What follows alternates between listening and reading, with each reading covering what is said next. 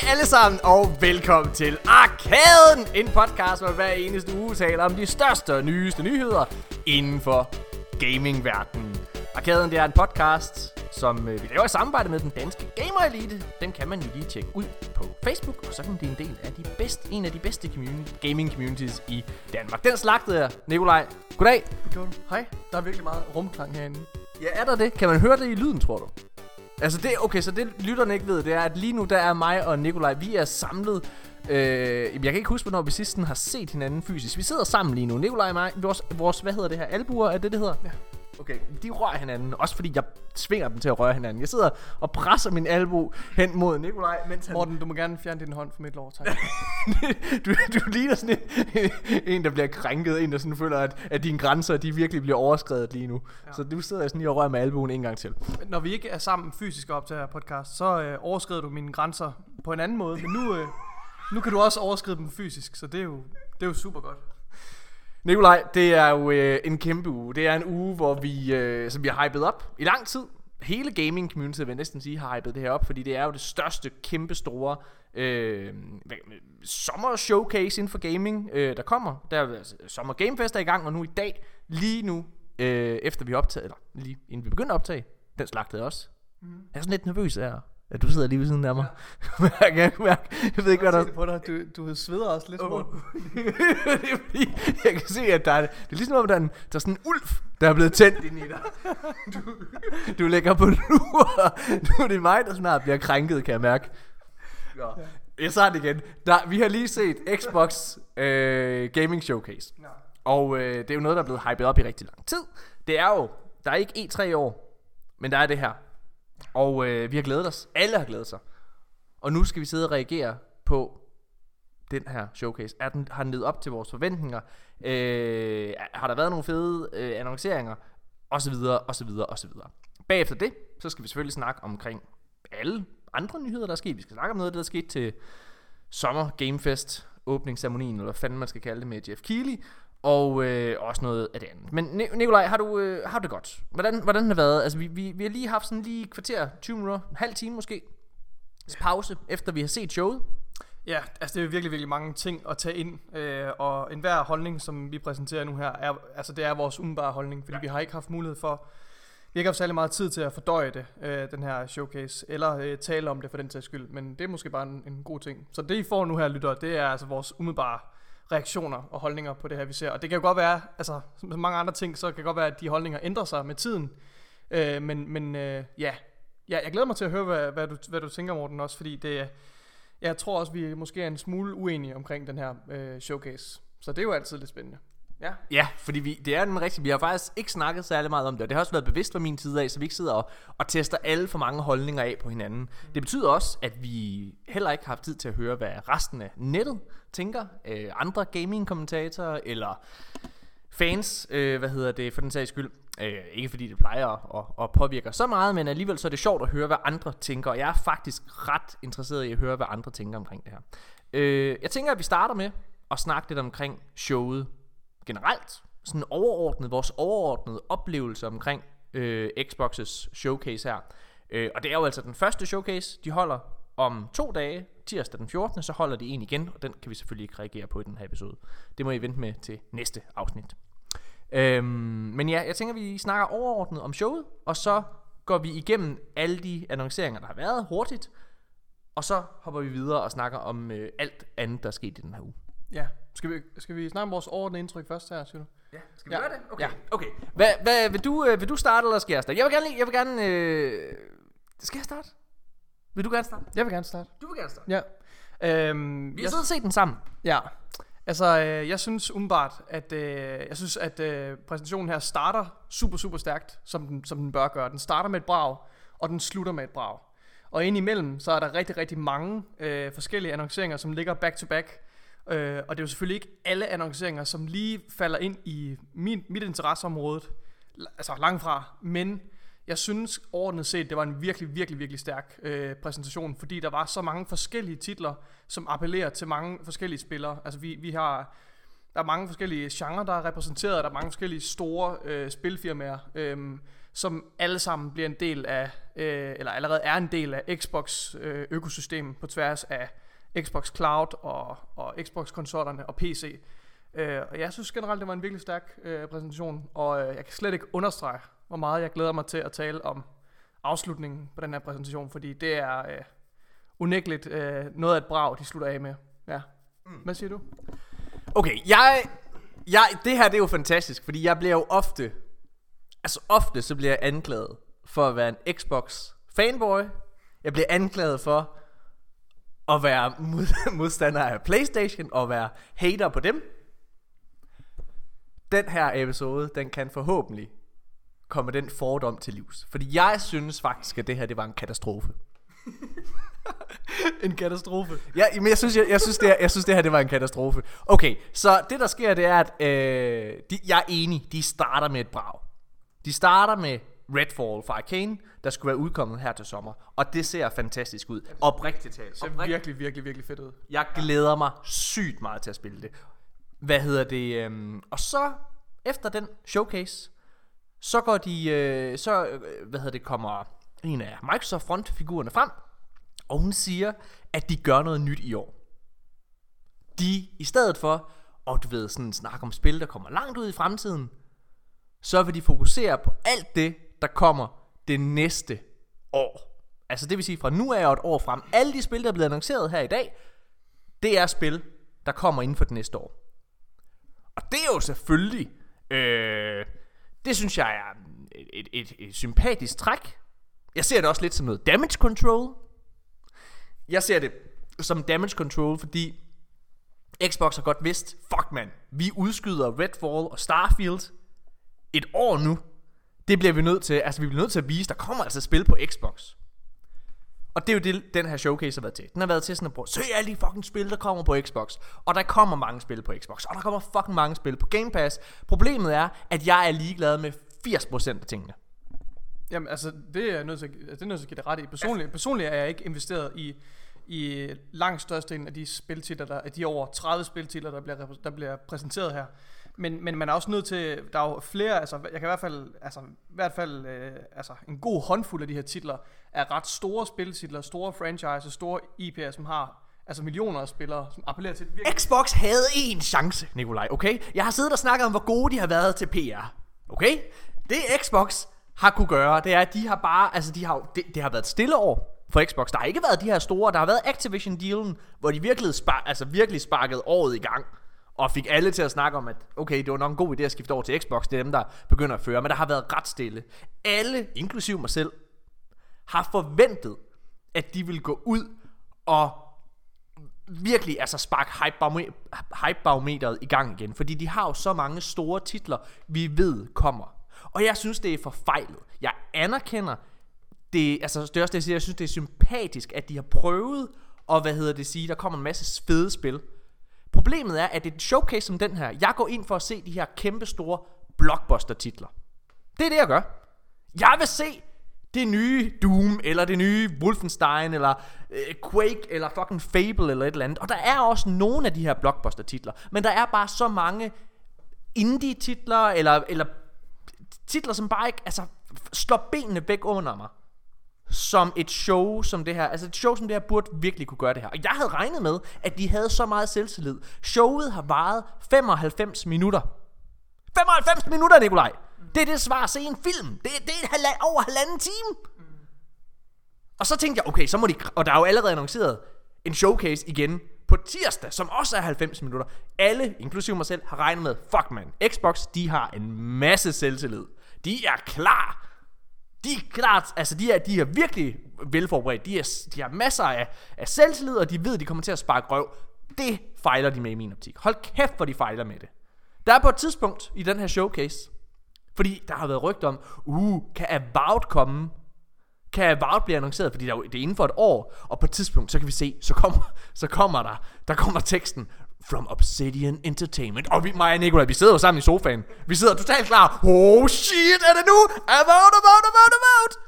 Men nej, så er det kraftet med med Nikolaj. Ah, men det er, og det, og det er ikke for at tage noget væk fra det her spil. Jeg kan ikke engang huske, hvad det hedder. Jo, hvad hedder det? Hed det, øh, det kommer lige, øh, lige før. Prøv lige at rulle lidt op i dine øh, noter her. Det hed... Pentiment. Pentiment. Pentiment. Som kommer her i år fra Obsidian Entertainment. Som er bare sådan en, lille, en meget, meget lille indie-titel. Meget lille, lille indie-titel. Som slet ikke har den der wow-faktor, som der er behov for. Jamen, bror, der, der, der var rigtig meget skrald med, det vil jeg gerne medgive. Altså, der var rigtig mange af de her små titler, som ikke siger mig en skid. Og jeg synes, der er nogle notable absence. Altså, jeg synes, jeg savner lidt, jeg ved godt, vi lige har set en masse for Call of Duty. Men jeg synes, det ville være på sin plads, eksempel, altså bare at nævne, at den er der. Også igen for at understrege det her med, at Blizzard og Activision-spillene også hører med i Xbox-økosystemet. Men det kan selvfølgelig være, at de er nødt til at holde tilbage med nogle af de her annonceringer, fordi at dealen ikke er gået helt igennem. Det, det respekterer jeg. Øh, men jeg, jeg vil gerne medgive, at der er flere af de her Bethesda-titler, som mangler. Altså, øh, ID Software, hvor er deres titler henne. Øh, de kunne sagtens have, have teaset, øh, hvad hedder det, Avowed, også for at skabe noget hype. Det Så- kunne de jo ikke ud fra deres egen præmis, og det gør Nej. mig også nervøs, Nikolaj, fordi Avowed blev altså annonceret for, altså for to år siden, ja. I juli for to år siden, Nikolaj. Så Ja, men, men det er også nogle, det er også nogle virkelig, virkelig store spiltitler, og ja, du har ret så din kritik, det meste af din kritik går jo netop på, på det her med, at de begrænser sig til at dække noget inden for det næste år. Og, og, og det, det kan jeg godt se. Altså det, det, kan, jeg- ja, det anerkender jeg, at det, at det måske er problematisk, og det var nok ikke måske den bedste beslutning. Øh, men nu må vi se, hvad de, hvad de gør. Øh. Jeg synes, jeg synes, som sagt, 80% af det, der har været, interesserer mig ikke. Nej. Der er de sidste 20%, og dem skal vi også snakke om, fordi der er... Der er, nogle, der er altså nogle virkelig store, eller nogle fede annonceringer her. Også, også selvom nogle, nogle ting, hvor du og jeg, Morten, ikke rigtig er investeret i de forskellige franchise, men hvor vi begge to anerkender, at det er fucking vigtigt, at, øh, at de ting kommer til Xbox-økosystemet. Ja.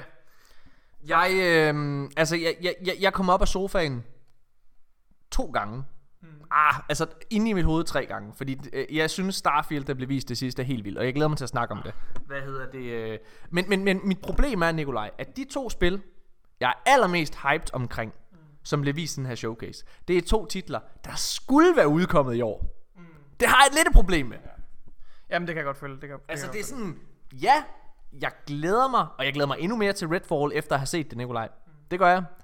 Men jeg er også jeg er skuffet. Altså i min optik, så har Xbox har tabt 2022. Det er slut for dem. Altså de har, de har tabt det her år.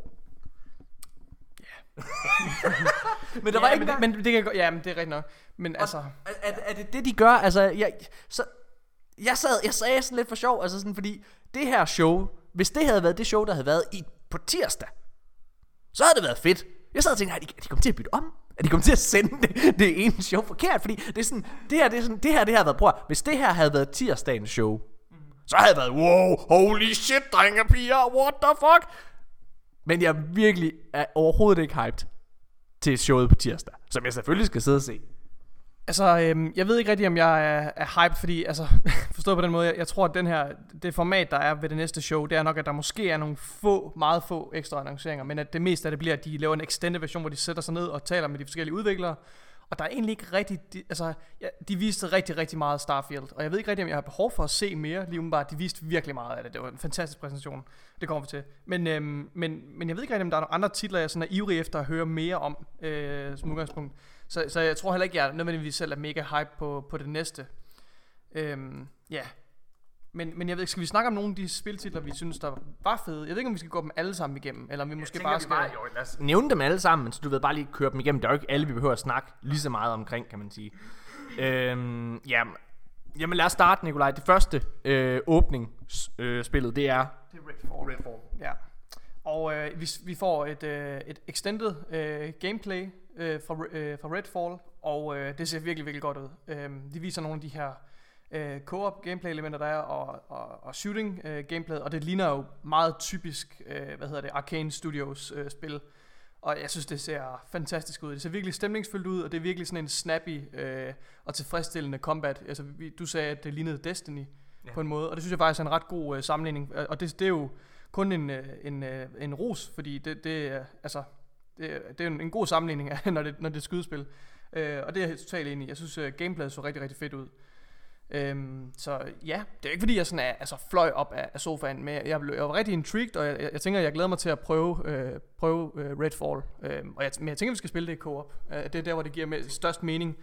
Øhm, jeg ved ikke, hvor, hvor, hvor god en mission der er omkring spillet. Jeg, jeg har det sådan tit, når, når et spil reklamerer for, at det er meget co- co-op, så tænker jeg, okay, det er nok ikke lige historien, der er fokus på. Kan du følge mig? Altså, Ja. det var det indtryk, det var i hvert fald det, det indtryk, jeg fik af at se det her gameplay. Øhm, ja. jeg, jeg synes, Jamen, jeg, jeg, jeg synes, det så fedt ud. Jeg synes, det lignede øh, arcane gameplay, når det er bedst. Øhm, og jeg, jamen, jeg, jeg, jeg var ret tændt på det. Jeg synes, jeg synes, det var stemningsfuldt. Jeg synes, det var flot. Ja, jeg synes, det var... Jeg synes, jamen, jeg, jeg, jeg, det gav mig lyst til at spille det. Mm. Øh, det var fedt. Det er jo første gang, vi rent faktisk ser gameplay til Redfall. Mm. Så ja, det, det synes jeg var, øh, det synes jeg var fedt. Lad os gå videre. Ja. Næste spil, det var øh, Hollow Knight. Og, prøv, okay, hele den her liste, Nikolaj. Og jeg, vi, vi snakkede faktisk om det. Jeg bare lige, det er bare sådan for, nu var jeg meget negativ her til at starte med, og jeg er negativ. Fordi der er næsten ingenting, der har ramt mig personligt. Men som Nikolaj var inde på, så vil jeg gerne, jeg vil gerne medgive, når vi går igennem den her liste. Jeg anerkender, der er mange af de her spil, der kommer, som vi skal snakke om, hvor jeg godt kan se, hold nu kæft, det er fandme vildt, det ser fedt ud. Jeg, det der spil, det har et kæmpe publikum. Det kan jeg sagtens se. Jeg, øh, jeg, jeg, jeg tror bare, at mit problem er, at det var ikke de der, altså, der var ikke rigtig noget, der ramte mig. Der var ikke, altså jo, det var der nogen, der gjorde, men ikke, ikke på samme måde, som det plejer. Jeg synes faktisk, det her det er det svageste Xbox show, altså sådan main show, der har været, jamen, så længe jeg kan huske næsten. Det, det, sådan har jeg det overhovedet ikke. Der, men der, jeg kan også godt se, når vi kigger på listen her, der er flere titler, der, der umiddelbart uh, appellerer til mig. Øhm, men ja, du siger uh, Hollow, Hollow Knight. Hollow Knight er nok, der er en efterfølger til Hollow Knight, uh, og det er jo også et meget anmelderost uh, uh, spil, um, som, som ja, jeg har ikke uh, prøvet det, men, uh, men, men det, hvad er det, den hedder den genre? Um, Jeg ved ikke, hvad det hedder. men Hollow Knight, det skulle være rigtig godt. Jeg har heller ikke prøvet det. Ja, øhm, så ved jeg ikke, jeg har ikke rigtig så meget andet at sige til det. Øhm, det så rigtig fint ud. Så kom der et spil, som, øh, hvor, altså jeg hørte, lige snart jeg ser øh, introduktionen, så tænker jeg, det lyder som Rick and Morty. Øh, og så på et tidspunkt kan man høre øh, ham, der lægger stemme, det, hvad hedder det, hvad er det, han hedder? Øh, lægger stemme til, Ja, til Rick og Morty, hvad er det? Ja. jeg kan ikke huske det. Jeg kan ikke huske det. øh, ja, øhm, og det hedder Rick and Morty, Rick and Morty Solar Nej, Opposites. nej, det er, det, det er jo, du, okay, du, Nikolaj har siddet og taget noter. Det stod der på nej, nej, det, der stod from the mind, from the creator of, one of the creators of Rick and Morty and Solar Opposite. Solar Opposite er et show, du kan se, du kan se det på Disney+. Plus. Hvad hedder det? Øh, og så Rick and Morty er et andet populært show, som jeg ved, du har set. Det kan godt være Rick and Morty, ja. Hvor er du dum. Hvad hedder det? Nej, øh, det, det, jeg kan faktisk ikke lige huske, hvad det hed. Det hed, øh, det hedder High on Life. Så det har intet at gøre med Rick and Morty. Jo, det er jo af ham. Det er jo også derfor, han lægger stemme til. Det hedder High on Er Life. det ikke det samme univers? Nej. Nej, altså Solar Opposites og Rick and Morty er jo heller ikke det samme univers.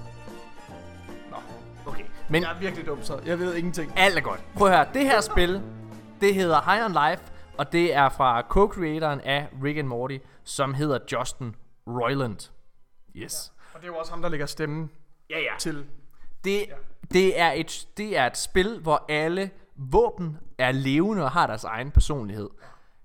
Da jeg, lige da det blev præsenteret, der var jeg sådan lidt, øh, okay, det ser lidt dårligt ud. Altså sådan grafisk, så var det ikke sådan, du ved ikke, det er ikke blockbuster title kvalitet. Men lige så snart det startede med at komme i gang. Hold kæft, Det var virkelig, virkelig sjovt. Altså, det er virkelig komisk med de her talende våben. Der er sådan en kniv, der er sådan en kniv, der er sådan en levende, som på et tidspunkt så bare stabber en modstander lige i øjet. Og hvad hedder det? Kniven er sådan, oh yeah, more, more, more. Det, var, det var virkelig, det var fucking sjovt. Det, det kunne jeg godt finde på. Det kommer jeg, jamen jeg kommer helt sikkert til at spille det, og det kommer, øh, ja, altså det, det er sådan en sci-fi FPS, FPS undskyld, og det kommer, øh, det kommer på Game Pass. Nej, men altså til mit forsvar, det ligner fandme, at det foregår i Rick and Morty-universet, fordi det er jo samme, det er jo samme stil og samme humor. Og det er det jo. Ej, ej, man kan godt mærke, at Dan Harmon ikke er med. Det, øh, okay, nej, men det er noget helt andet. okay, jeg synes, det ser fucking sjovt ud. Det glæder jeg mig rigtig, rigtig meget til. Hvornår var det, det udkom? Stod det et eller andet sted? Det var i år, var det ikke det? Oktober, oktober i år. Okay, det glæder jeg mig ret meget til. Mm. Okay, så næste spil. Det var Riot, Riot Games, øh, og det synes jeg er en af de store, øh, ja. hvad hedder det, de store annonceringer her. Det er, at øh, Riot Games og deres, øh, altså, øh, product lineup, har jeg lyst til at sige, deres øh, game lineup er jo på vej ind. Øh, og det er League of Legends. Det er altså, øh, ja, og, og Der, hvad er det? det der er det- fem det- titler, der er, der, der, der, titler, øh, ja. som er annonceret, og, der, og så står der og flere. Det er nemlig Ja. lige præcis det, du siger. Riot Games, som øh, står bag League of Legends blandt andet, øh, tager simpelthen hele deres kartotek og gør det en del af Game Pass. Det er jo kæmpe stort. det, det her, det kan ikke... og igen, jeg har aldrig spillet League of Legends. Jeg har set øh, Arcane-serien på Netflix, og hvis man ikke har set den, så skal man fucking komme i gang, for det er en af de bedste serier, jeg så sidste år. Det er den bedste serie, jeg så sidste år, tror jeg. Øh, de kommer ind med League of Legends. Det spil, der hedder League of Legends Wild Rift. Et spil, der hedder Valorant. Ja. Et spil, der hedder League of Rune Terra? Ja, men det er ligesom sådan en, det Også- er ligesom sådan en, altså, øh, hvad, hvad det hedder, det der, øh, hvad det hedder, hvad, ja, sådan en kortspilsversion udgave af det. Mm. Undskyld, hvad Og- det hedder det? Hearthstone, det er ligesom sådan Okay. den type spil. Og så et spil, der hedder Team Fight Tactics. Øh, alt sammen bliver en del af Game Pass. Jeg, nogle af spillene kommer på Xbox-konsol også, men ellers er det en del af PC.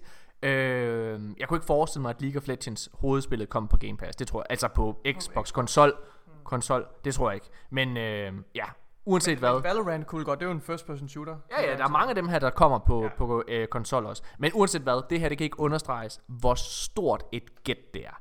Jeg er ikke fan af dem, men det her, det er sådan on the long run, at alle de her titler for Riot er en del af Game Pass. Det er kæmpestort. Selvom at det var sådan, det var sådan, jeg sad og så den, og jeg var sådan, wow, fedt, godt gået, Xbox, det er godt gået, I har lavet den deal med dem. Men jeg kommer nok ikke til at spille nogle af de spil. Det var sådan, det var igen, det var en af de titler, der ikke ramte mig desværre. Nå, mm. Den næste i rækken, det var så et spil, der virkelig talte til mit hjerte, og det er Plague Tale. Uh, Requiem, tror jeg, den hedder efterfølgeren. Uh, Plague Tale Innocence, det første, øh, som er udviklet af, af hvad hedder det, Asobo Entertainment, er jo et virkelig, altså efter min mening, et fantastisk spil, som virkelig kom bag på mig. Uh, og jeg har længe ventet den her uh, efterfølger, og jeg synes, uh, gameplayet vi så også så, så rigtig godt ud. Uh, ja, det, det ligner bare mere af det samme, kan man sige. Det er ikke fordi, jeg synes, det var helt fantastisk, det vi så. Jeg synes, det så rigtig fint ud, og jeg, jeg nød virkelig det gameplay, der er. Øh, og vi får ligesom et, øh, et peak ind i nogle, nogle flere øh, abilities, nogle flere øh, værktøjer, som de her to karakterer får i, øh, i deres øh, struggle. Og øh, ja, det så, bare, det så bare rigtig fint ud. Det, det glæder mig virkelig til. Altså, Sobo øh, har virkelig vist sig at være et utroligt ressourcefuldt og talentfuldt... har de øh, ikke lavet et eller andet, et eller andet andet spil, du godt kan der lide? er nemlig et ret... Øh, jo, det er nemlig, øh, nemlig et rigtig, rigtig vigtigt spil, vi også skal tale om lidt senere, som de også har arbejdet Nå, det er det der, hvor man kan flyve hen, og så kan man se sit hus. Det er sådan skodspillet fra sidste år. Jeg smadrer dig. Okay, jeg, jeg må indrømme, og det kan være det, fordi jeg har set, øh, undskyld, spillet. Det kommer til Game Pass i 22. Jamen, åh, det var noget af det, der var imponerende. Ja, det er Det, det, det, det, hvis vi, altså alle spil var på Game Pass. Det var også en ret godt, altså det er igen godt gået. Jeg tror bare igen, ligesom når jeg kigger på, hvad kommer der på Game Pass den her måned, eller og ligesom dengang jeg kiggede på PlayStation Plus, hvad kommer på PlayStation Plus, hvis der ikke er den der blockbuster titel, der fucking trækker gulvtæppet væk under, øh, under mig, ikke også? Så er jeg lidt skuffet. Og det var lidt, uh, det er lidt en følelse, jeg havde. Det er lige før Plague Tale gjorde det for mig. Altså, fordi jeg synes, jeg synes, det, er, jeg synes, det tangerer for mit vedkommende til virkelig sådan en af de mest eftertragtede titler øh, på, min, øh, på min liste fra, ja. Så jeg, jeg er super, super spændt på det her. Og det kan være, at det er fordi, jeg ikke har spillet det første Det er endnu. uden tvivl derfor, Morten. Det Jeg synes, det lignede skod. Jeg synes, det lignede skod. Jeg synes, det så... Du er Jeg, simpelthen nødt til at give det første spil en chance. Når du har gjort det, og når du har spillet det, så vil du forstå, hvorfor det er mega fedt. okay. Jamen. Og så kommer der et spil, som igen heller ikke tiltaler mig. Det er Forza Motorsport. Mm. Og jeg, det er igen, det er sådan et, det er sådan et spil, hvor jeg anerkender, det her spil, det har et publikum, og det har et dedikeret publikum. Og Forza Motorsport var altså en af de flotteste titler, vi så.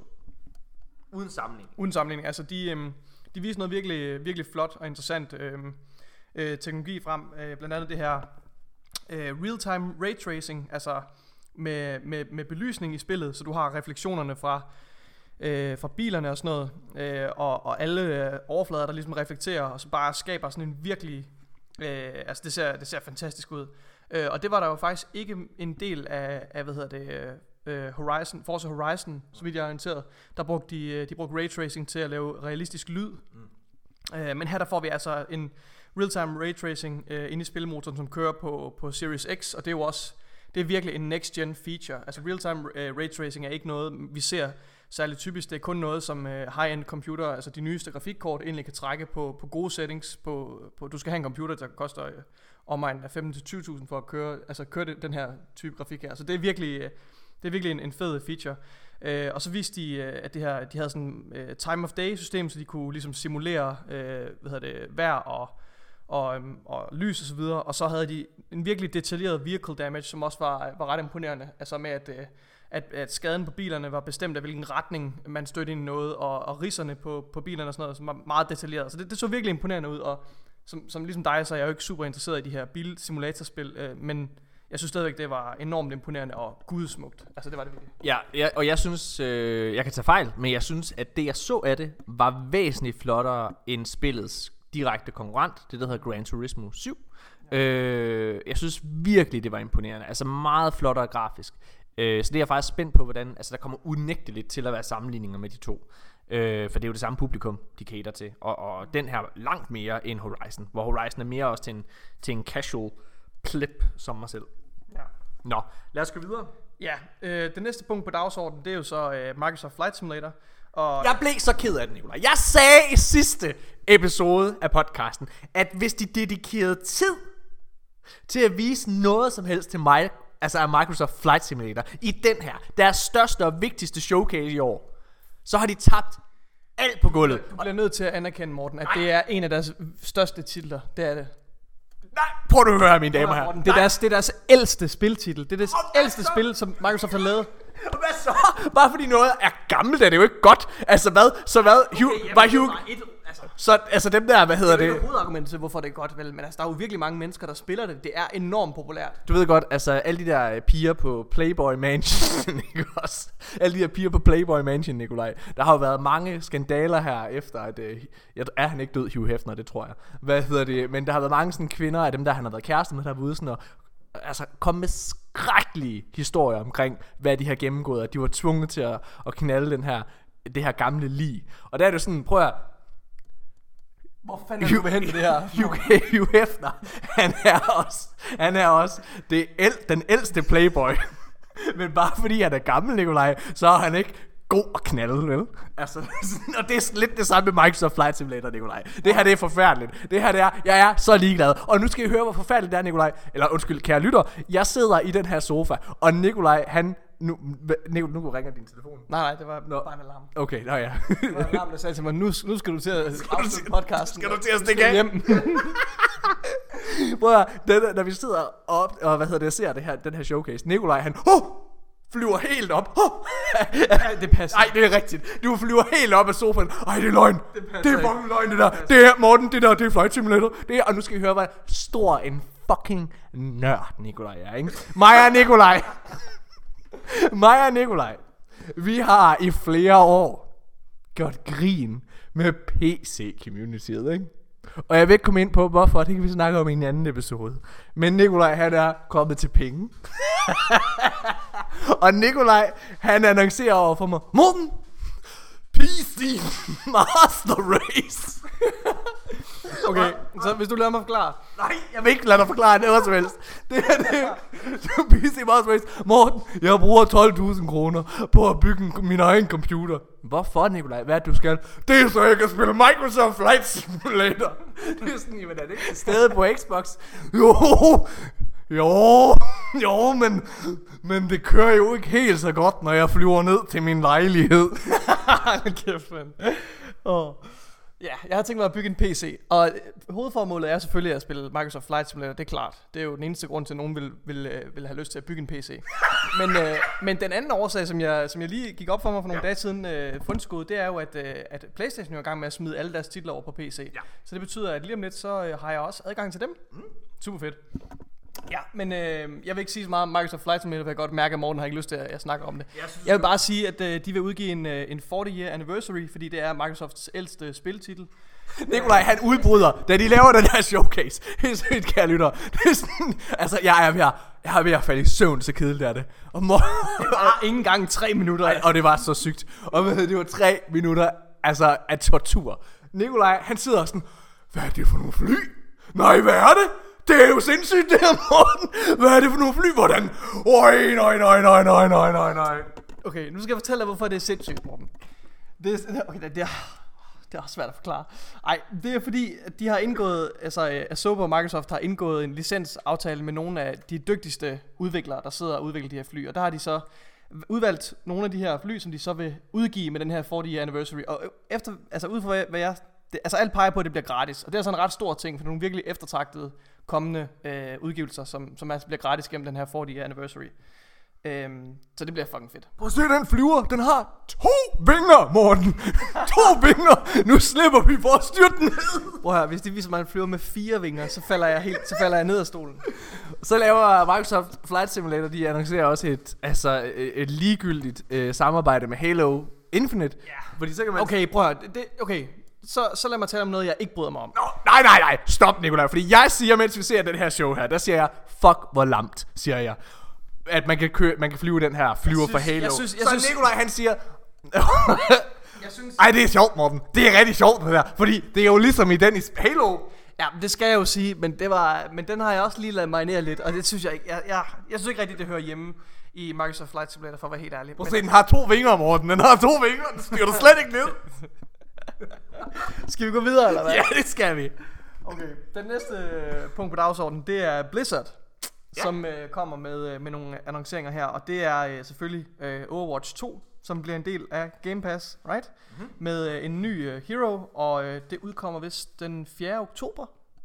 Ja, det det kommer ret snart. Og altså, øh, hvad kan man sige, Blizzards tilstedeværelse i den her showcase Er ret vigtig. er ret vigtig og ret interessant. Fordi øh, efter scene går det ret godt med den her deal. Altså aftalen mellem Activision og Blizzard. Og øh, undskyld, ikke. Aftalen mellem Microsoft og Activision Blizzard går ret godt. Og der skulle ikke gå lang tid inden, at altså, de forventer, at den, øh, den kommer på plads. Måske allerede i år, i slutningen af i år.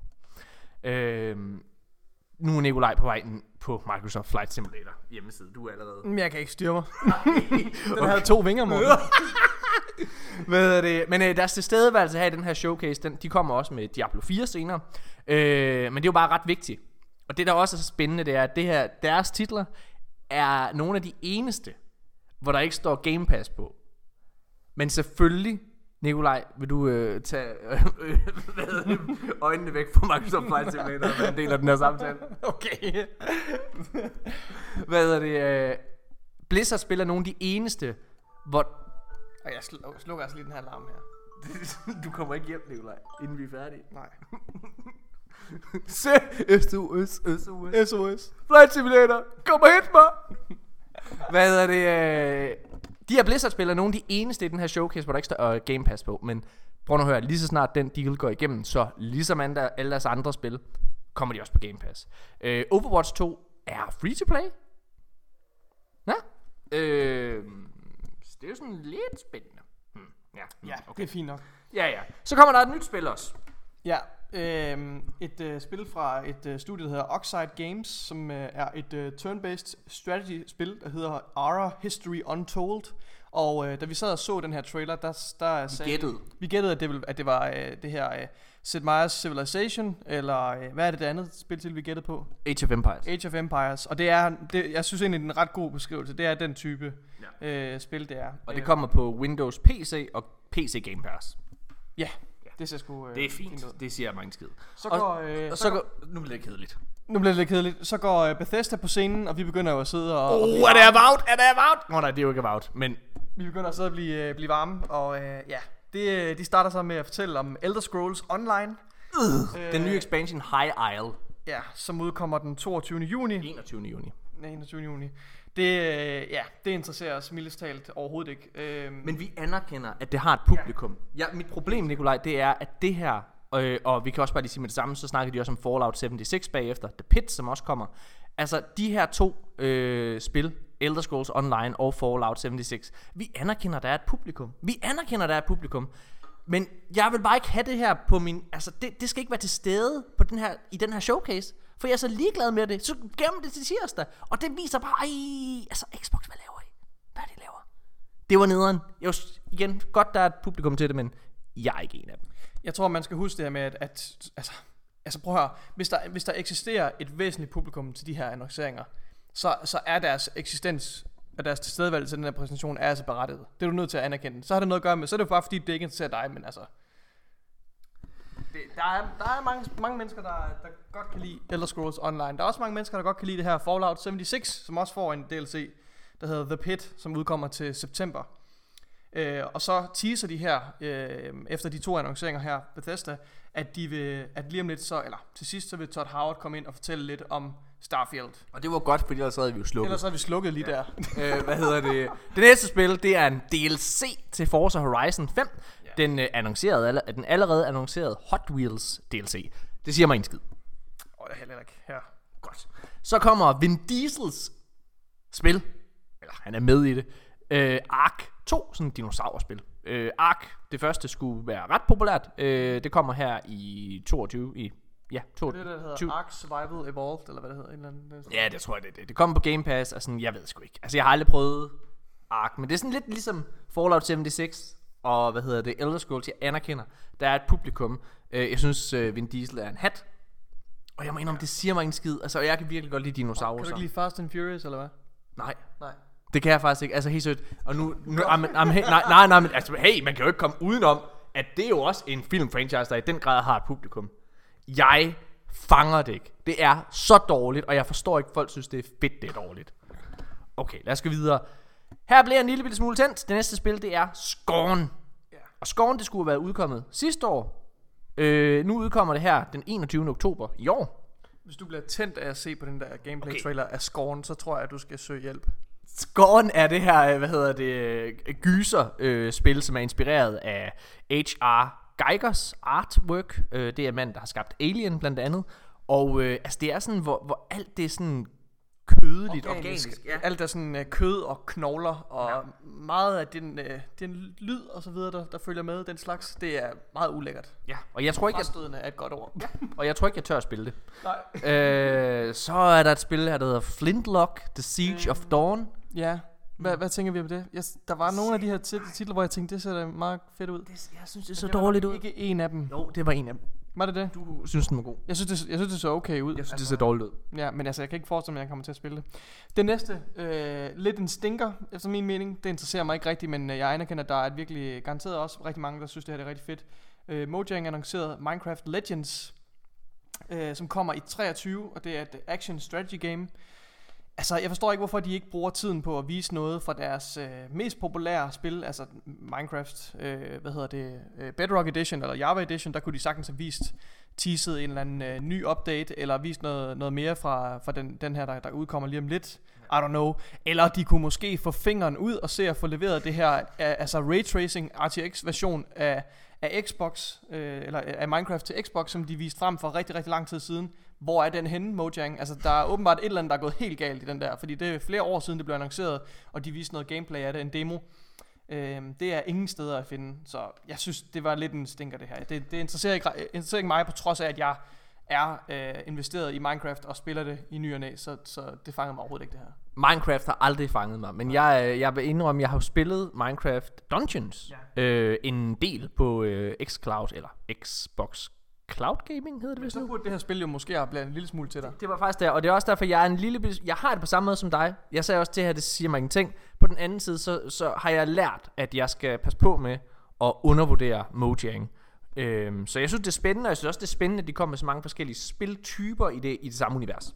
I den samme franchise. Det kan man, det synes, det kan man godt anerkende. Det synes jeg er fint. Så kommer der et spil, som jeg ikke har noget som helst at sige til. Lightyear Frontier. Jeg ved ikke, hvad fanden det er. Det er sådan et exploration-spil, øh, hvor man farmer. Der, du påpegede, at man kunne plante majs i det. Ja, det er rigtig fedt. Nej. det er overhovedet ikke fedt. Lad os gå videre til det. Okay, og så er der det her spil, der hedder Gunfire Reborn, som er sådan en shoot 'em up roguelike, fire player co-op indie ting, som siger mig hat også. Så lad os skynde os at gå videre til det næste spil, som siger dig lidt mere, end det siger mig. The Last Case of Benedict Fox. Ja, altså det, jeg synes bare, at det her spil, det fangede mig, fordi det havde en virkelig, øh, øh virkelig flot øh, artstyle, øh, og ja, og så er det sådan story-focused Metroidvania. Jeg synes bare, det så fedt ud, øh, sådan meget, ja, gothic, øh, lidt, ikke horror, men, men sådan, ja, Ja, det er sådan 2D-platformer, Metroidvania-stil ting. Ja. Ja, ja, ja, det siger mig ikke en skid. Jeg, jeg synes, der var noget ved det, der var dragende. Noget, noget med den her setting og, og historien, som den lidt, øh, som den lidt prøver at vise frem. Det synes jeg var ret interessant. Men Jeg synes- jeg, jeg, igen, jeg ved sgu ikke, om jeg kommer til at spille det, for jeg har ikke spillet en Metroidvania. Og, og jeg tror ikke, at min første Metroidvania bliver det her spil. Jeg tror nærmere, det bliver noget som Hollow Knight eller lignende, som Janus Hasseris har anbefalet, at vi skulle, eller jeg skulle prøve i hvert fald. Uh, Janus Har du Hasseris. prøvet, har du prøvet Hollow Knight? Nej, det har jeg sagt, jeg ikke gjorde. Det kommer jeg heller ikke til. det her spil kunne jeg godt finde på at spille. Det hedder As Dusk Falls, som er det her øh, story-fokuserede spil, som er sådan lidt Telltale-inspireret, hvor altså alle dine valg, de har konsekvenser osv. Man kan endda spille det i co-op, hvilket jeg synes var ret spændende, så godt, vi skulle prøve at spille det sammen. Og det kommer faktisk allerede her den 19. juli, så det er, øh, der er ikke lang tid til. Og så er det meget, meget, altså meget, øh, hvad hedder det, øh, hvad skal man sige, karakteristisk øh, grafik, der er i det her spil. Mm. Det hedder, der står rotoscoped grafik. Altså det er sådan noget, hvor det er sådan nærmest sådan, ikke, ikke stop motion, det er jo ikke det der, men, men sådan, hvor, hvor man ligesom ser sådan nogle, man ser sådan nogle langsomme frames, øh, og det har en virkelig, virkelig flot artstyle. Jeg synes, det, er, det ser virkelig godt ud. Ja. Og, og det, ser, ja, det, det, hvis, hvis den har en virkelig solid historie, så kunne det, være et, øh, så kunne det godt være en, et virkelig, virkelig godt spil. Og øh, så er der et spil, der hedder Naraka Blade Point, som er sådan noget japansk lort. Undskyld til alle, der synes, at Japan er, og japanske spil er fede og interessante. Jeg er desværre ikke en af dem, og jeg synes, det her det så røvsygt ud. Så lad os gå videre til det næste spil. Det var den største skuffelse. skuffelse. Ja, Overhovedet. Nej, men helt seriøst. Ej, Nå, men prøv at, Obsidian. Obsidian Entertainment, og vi snakkede lidt om det i starten. Nikolaj, Obsidian Entertainment er en af de bedste og vigtigste spilstudier, der er ved Xbox lige nu. Det er dem, der har lavet uh, The Outer Worlds. De har faktisk lavet, uh, hvad hedder det, The Stick of Truth. South Park-spillet udviklede de dertil. De har lavet Fallout New Vegas. Uh, og øh, de kommer snart med det her spil, der hedder Avowed. Og så har de selvfølgelig også Grounded, som vi skal snakke om lidt senere. Så da deres navn lyser op, og det her det viser, hvor stor en stinker i min optik, den her showcase er, Nikolaj. Fordi da den her, altså prøv at se, det her det er, okay, da, det, da Obsidian Entertainment, det er ligesom øh, løber over stablen, så øh, da vi kan se den tekst, så tænker vi, fuck man, nu er det nu. Avowed, announced, er I klar? Og så i stedet for, så er det det her, jamen jeg kan slet ikke forklare, hvor kedeligt det ser ud.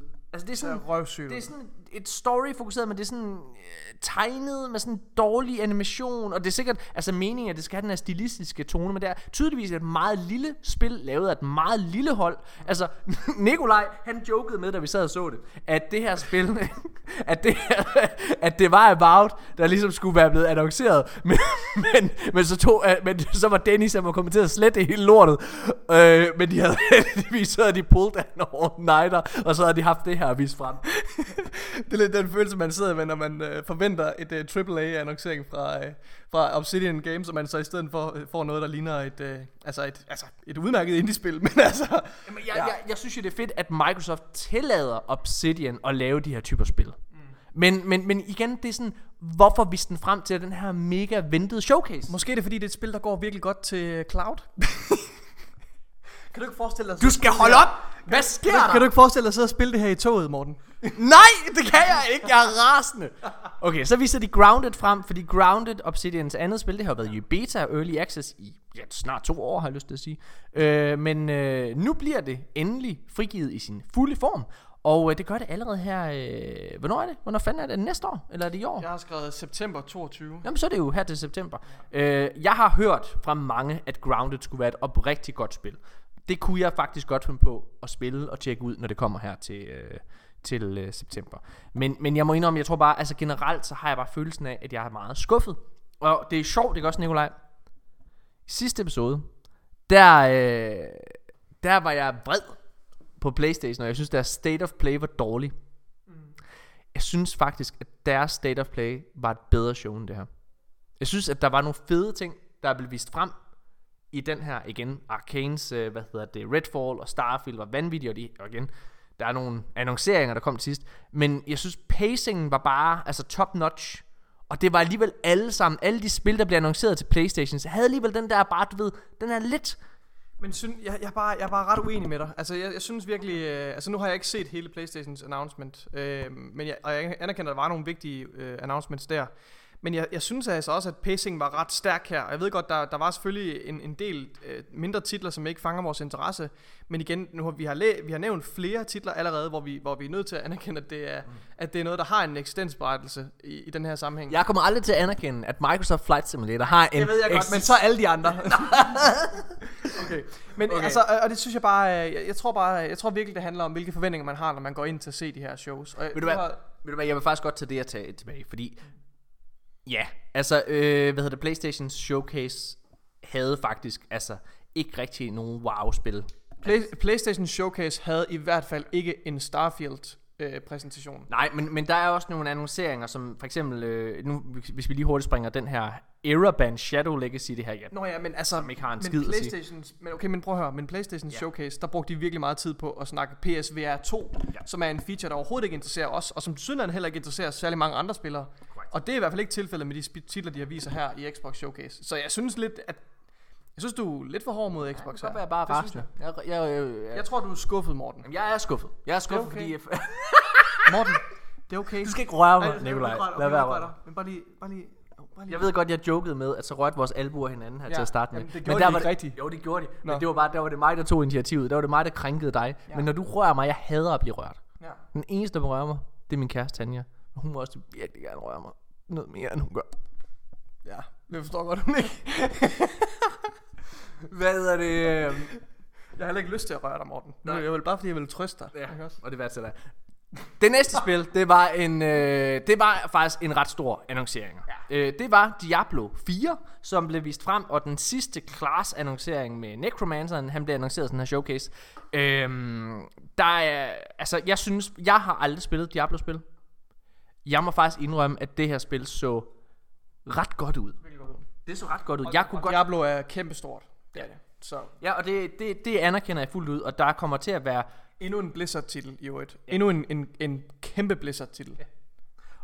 Der kommer til at være crossplay, fully, altså integrated crossplay, det vil sige med alle platforme, PC, Xbox One, PlayStation 5, PlayStation 4 og Switch. Switch? Yes. Øh, det, er, det er ret vildt. Altså, øh, ja. Det er ret vildt, det kommer på en Nintendo-konsol. Ja, jeg mener bare, jeg synes, det er fedt det her. Og så, øh, det er ikke annonceret, det kommer på Game Pass, men når den her deal går igennem, øh, hvilket den formentlig gør, så kommer Diablo 4 selvfølgelig også på Game Pass. Ja. Øh, der er jo en grund til, at det bliver vist på Xbox Showcase. og den næste annoncering, den tror jeg, jeg er lige så træt af at høre om, som du er øh, at høre om øh, Microsoft Flight Simulator. Og det er Sea of Thieves. Hvor jeg anerkender, at der er et publikum, Nikolaj. Jeg har prøvet at spille Sea of Thieves. Det har jeg også. Jeg forstår ikke, der er et publikum. Jeg synes faktisk, det er et dødssygt Jeg spil. synes, jeg synes, det var ret charmerende, men jeg synes virkelig, det manglede. Jeg synes, det var, der var et potentiale i spillet, som, ja, som det ikke rigtig levede op til. Der var, igen, jeg anerkender, der, hvad var det, der stod 30 millioner spillere havde det her. Det er jo helt vildt. Altså selvfølgelig er det ikke concurrent, øh, men, men, men der har været 30.000, der i hvert fald har prøvet det af. ligesom mig, måske. Men øh, det er jo imponerende. Jeg anerkender, at det har en spillerbase. Så er der et spil, som hedder Ravenlock, har intet at sige til. Det var sådan en indie-titel. Ja. Så kom der Cocoon. Et Cocoon-spil, som jeg først troede var Somerville, fordi det var øh, skaberne af Inside og... Mm. Øh, jeg ved hedder det første spil? Inside Limbo. Og Limbo. Øhm, og så et øh, dansk navn, var det det? Jeppe Carlsen. Ja, og det er jo... Så, altså, det, det er skreg Somerville, men øh, det var det så ikke. Det er et spil, der hedder øh, Cocoon, som jo egentlig ser, øh, ser så fint nok ud, men da gameplayet kom rigtig i gang, der mistede jeg meget hurtigt interessen og kunne mærke, at det her det er ikke et spil for mig. Det minder overhovedet ikke om Inside, og det minder overhovedet ikke om, om øh, nogle af det, jeg var interesseret i. Så øh, ja, nej tak. Og nu, øh, altså nu bliver illusionen af den her, det her studie, vi sidder i, fordi vi sidder ikke i studie, vi sidder i min stue, og lige pludselig så kommer min øh, kæreste gående ned, og jeg har jo lige snakket om, at jeg vil ønske, at min kæreste vil røre mig noget mere. Og, er det det, du kommer for? vil du røre mig for Nikolaj? Hvorfor bare lige lidt? Bare lige en lille møsser. Kan du huske, hvordan, hvor- hvordan det føles, når vores læber rører hinanden til ja. Du kunne lige snige en lille, en lille tunge ind imellem læberne.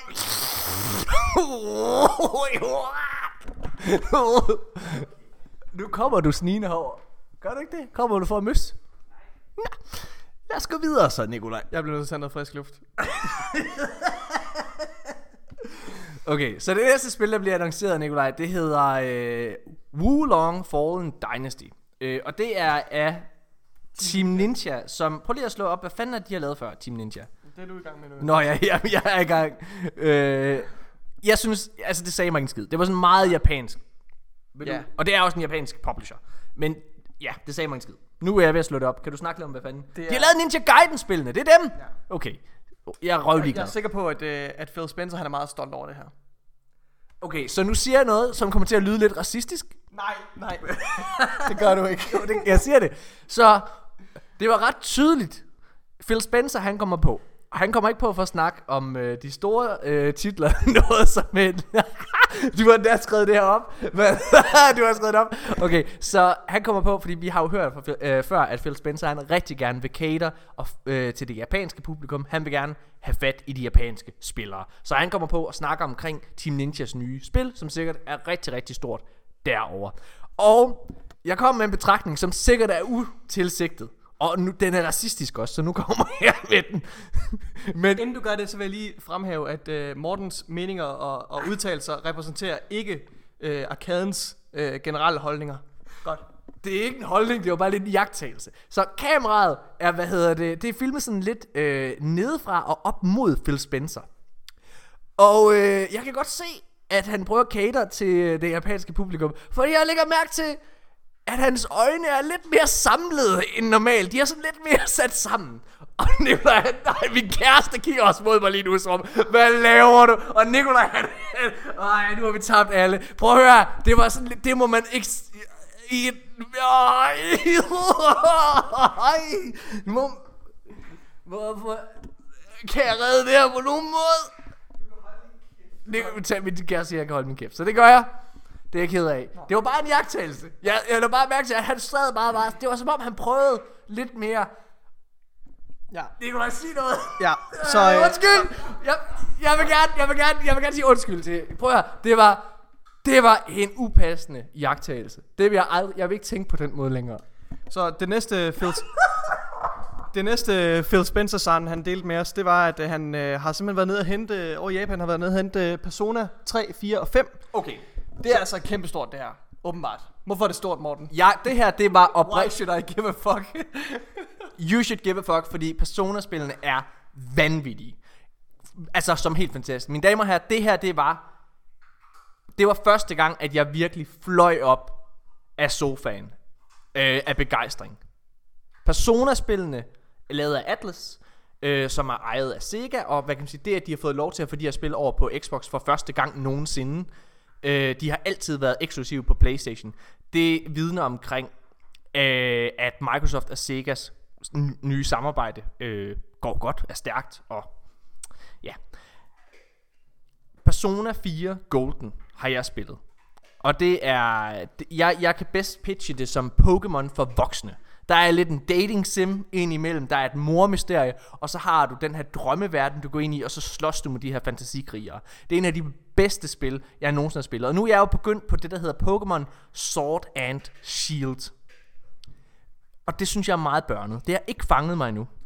Nej, det forstår godt. Øh, og øh, hvad hedder det? Og der vil jeg bare sige, jeg sad faktisk sjovt nok og tænkte Men, men, det, men det kommer Pokémon Grinden til at gøre, tror jeg. Ja. Der vil jeg bare sige, at det er sjovt nok, da jeg sad og spillede det. For det første har en Pokémon Sword and Shield har en alt for lang introduktion. Ja. Der, altså, det er sådan to-tre timer, hvor jeg sådan, okay, nu forklarer de mig om spillet sådan.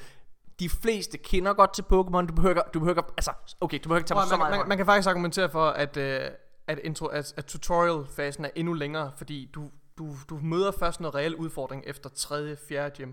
Og indtil da, der er det bare, altså walk in the park. Du går lige igennem, du altså, er totalt ubesejret, medmindre du virkelig fucker op. Men jeg anerkender, min datter sidder og spiller det lige nu, og hun synes, det er fantastisk.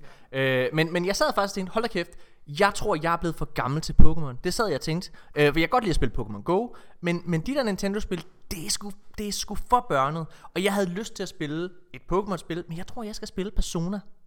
Og Persona 5, som skulle være et mesterværk, kommer altså allerede til oktober. Den 21. oktober her i år på Game Pass.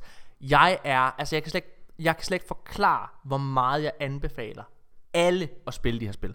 Det er den Pokémon, det er det Pokémon-spil, I ikke ved, I mangler. Jeg, jeg er ikke solgt, umiddelbart. Ej, men, men- øh, men, men det, det er super fint. Jeg, jeg, jeg, og, og, som sagt, det. Jeg, øh, det, det, er, det er et vigtigt foretagende, øh, som Phil Spencer har haft med at, at, at skabe noget, eller få noget ind i, i deres øh, økosystem, som også tiltaler det japanske publikum. Det er super vigtigt, så ja. Og det er jo kæmpe, Congrats. og det er kæmpe, det nej, ja, men jeg vil bare sige det også, og det er kæmpe spark i røven på, hvad hedder det, hvad, nu kigger min kæreste mod mig, at du har tænkt dig at koge noget vand? Til Hvor- Hvorfor har du det? Vi kan da bare lave kaffe fra kaffemaskinen, Nikolaj. Nå ja. Har I Hvorfor- sådan en? Ja, vi har en Mokka Master. Øh, åbenbart. Gør det, ja. Du har tænkt, kog noget vand, Tanja. Men så kom hen og kys mig. På min mund. Hvor du lige sniger læber tungen ind. Er det efter den der... Øh... Nikolaj vil gerne Det vil jeg meget gerne. Prøv at, det er sådan, det er rigtig dårlig øh, radio det her, Tanja, fordi der er ingen, der kan høre dig helt derovre fra. Og vi sidder og optager, så det er sådan folk, vi har... Skal du også have kaffe, Morten? Prøv at hold nu op. Jeg skal ikke have kaffe. Lav noget kaffe. Og nu kan... Ej, du ødelægger vores mesterværk af en episode, Tanja Just. Jeg kan ikke høre dig. Der er ingen, der kan høre dig lige nu, Tanja. Oh, vi taber alle vores lytter. Hey, prøv at høre. Vores podcast er gået op, op, op, op, op, op, op, op. Det sidste år. Og nu kommer du og tænker den, Tanja. Hvad fanden bilder du ind? Jeg er manden i det her hus. Morten, dine børn sover. Jeg er ligeglad. Jeg er manden i det her hus. Jeg må ikke få en fucking møsser. Jeg må ikke få en møsser. Hvor fanden er jeg endt henne, Nikolaj? Der hvor tungen lige går gennem læberne, og den lige sniger sig ind i den anden mund. Det er det, jeg gerne vil have. Og det må jeg ikke få. Nej. Oh. Det, der er fedt ved Persona, Nikolaj. Det, der er fedt ved Persona, det er Ja, jo, der er at en dating simulator, så du kan ligesom få noget af det. Du der er en fucking dating simulator i, uh, i Persona-spillene. Ja, ej, og der er virkelig god musik. Nej, men det er jo altså spil, som har været eksklusiv. Helt seriøst, hvad er det, der foregår, Tanja? Behøver du altså at gå i gang med at konkurrere det hele lige nu? Du, jeg kan ikke høre dig! Kom herhen og snak ind i episoden. Så nu holder vi en kort pause, indtil Tanja hun er færdig.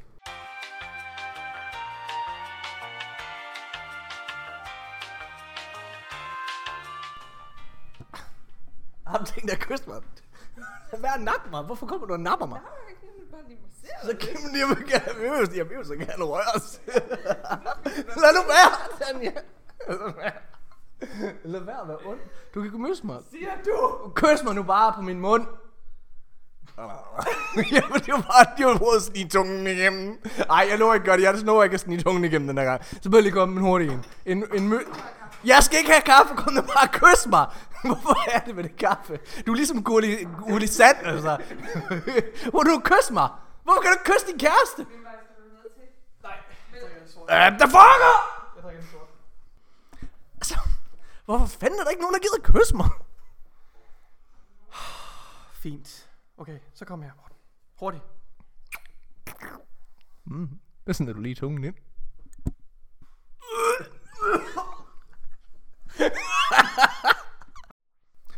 Men Persona er altså også rigtig, rigtig fedt, fordi det er sådan en stikpille mod Playstation. Det er, altså det må virkelig være, der er noget, man tager fra Playstation. Det er nogle spil, som man førhen har tænkt, de her spil er eksklusive til Playstation, og det er fantastiske spiloplevelser, man kun kan få derovre.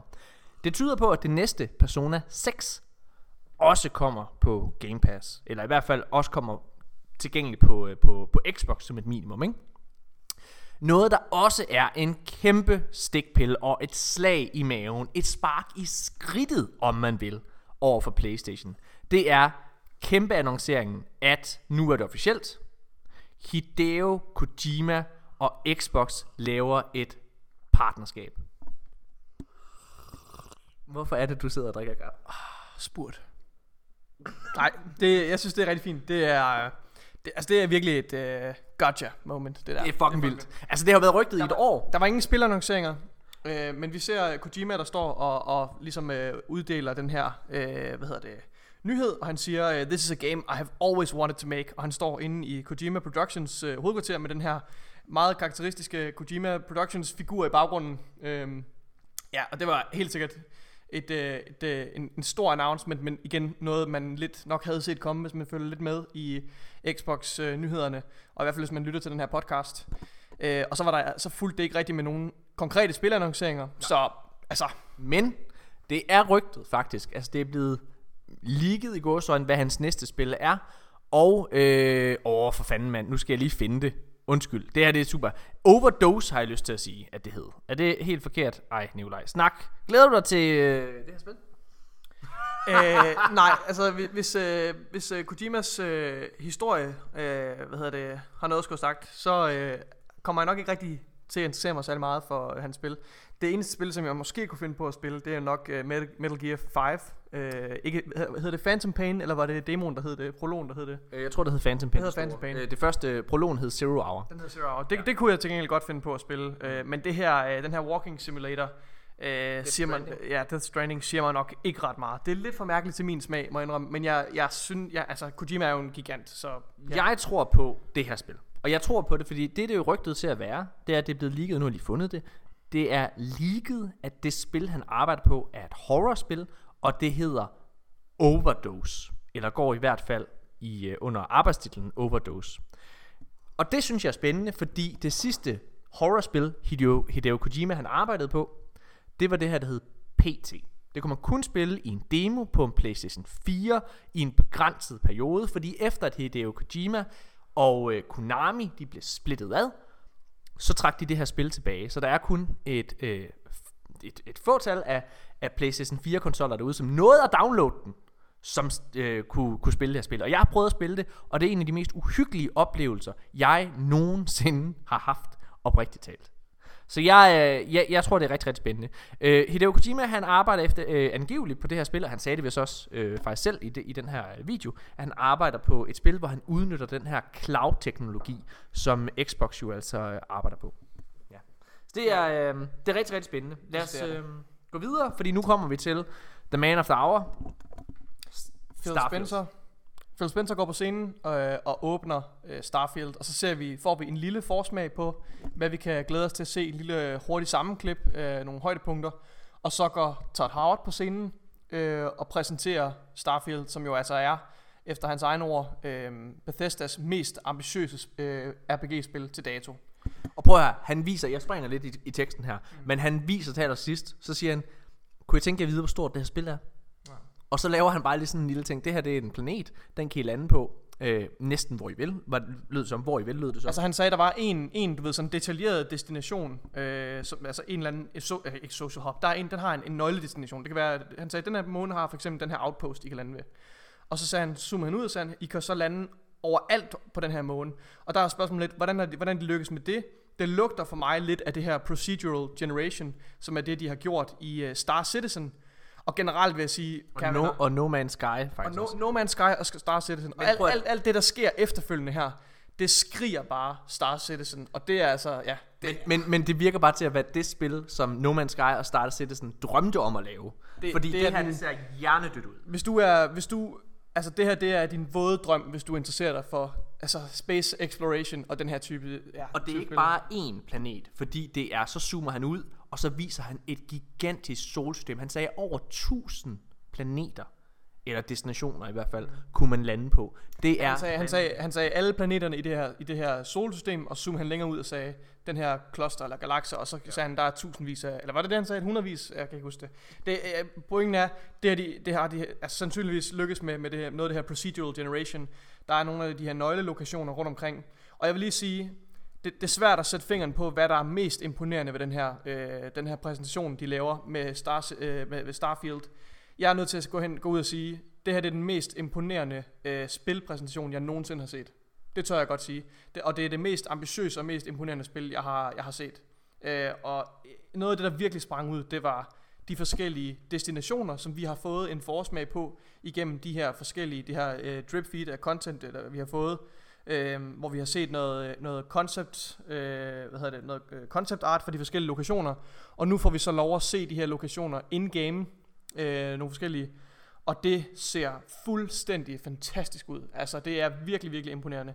Jeg elsker den her øh, artstyle og æstetik, som det her spil har, som virker utrolig grounded, øh, meget mere grounded end, end eksempel The Outer Worlds, som er meget mere bombastisk, bombastisk og farverigt, så det, det, det føles meget mere grounded og, og og realistisk.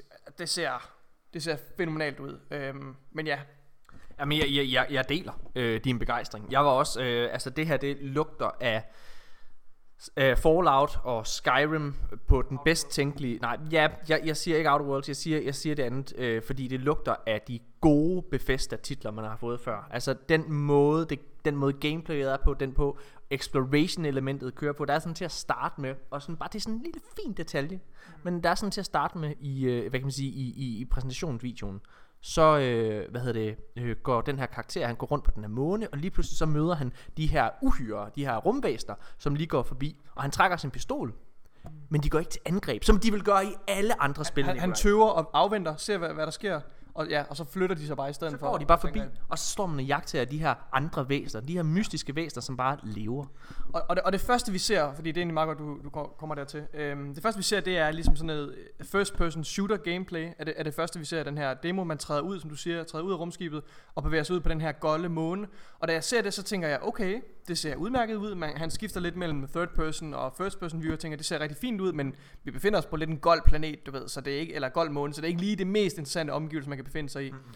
Og der ser vi noget af det her first person shooter gameplay, Øh, og jeg vil sige, at et, øh, at, øh, hvad hedder det, Bethesda-spil, som jo har notorisk lidt en clunky øh, gameplay med det her first person shooter. Scoren. Kæft, hvor er det fedt. Det, det ser virkelig, virkelig godt ud. Jeg synes, det så i hvert fald, for, mit, altså for mine øjne, ser det ud som om, at det er samme, øh, samme kvalitet øh, og samme responsiveness, som der er i The Outer Worlds. Og det tro, synes jeg nok er det bedste, man kan forvente af, af et Bethesda-titel. Jeg synes ikke, det er perfekt. Øh, men igen, det her spil er så meget mere end en first person shooter, at jeg føler stadigvæk, at det er berettiget. Det er noget, man godt kan, kan se igennem fingre med. Det her, det her spil, og det er ikke bare noget, jeg siger. Det her det er det første spil i meget, meget, meget lang tid. Flere år, tror jeg. Hvor jeg har haft en følelse af, at det her, det vil jeg spille nu. Hold kæft, hvor kan det ikke gå for... Altså, det kan ikke gå langsomt nok til at jeg spiller det her. Det ser så fantastisk ud. Det ser, altså jeg har, de har været ude og... Det er hurtigt nok, mener du? Ja, det er det, jeg mener. ja, ja, det, det, det, det, jeg glæder mig så meget til det. Og de har også været ude at sige, altså, øh, hvad hedder det, at Phil Spencer, han tror, at det her, det bliver deres, altså, det her, det bliver det største spil for Xbox nogensinde. Ja. Det tror jeg på. Øhm, så var der vist i nogle andre detaljer, øh, som nok ikke er så overraskende, når det er et RPG-spil. Man går rundt på, på de her lokationer, og så kan man ligesom øh, minere forskellige ressourcer, som jern og lignende, øh, som man skal rundt og finde på, på planeterne. Øh, og ligesom viser, hvordan det her core gameplay loop er. Øh, så det næste vi ser, det er så de her forskellige lokationer, som jeg talte om før, de her utrolig imponerende lokationer. Øh, så ser man så nogle, en, en montage af nogle forskellige øh, karakterer, som man interagerer med i, igennem spillets story.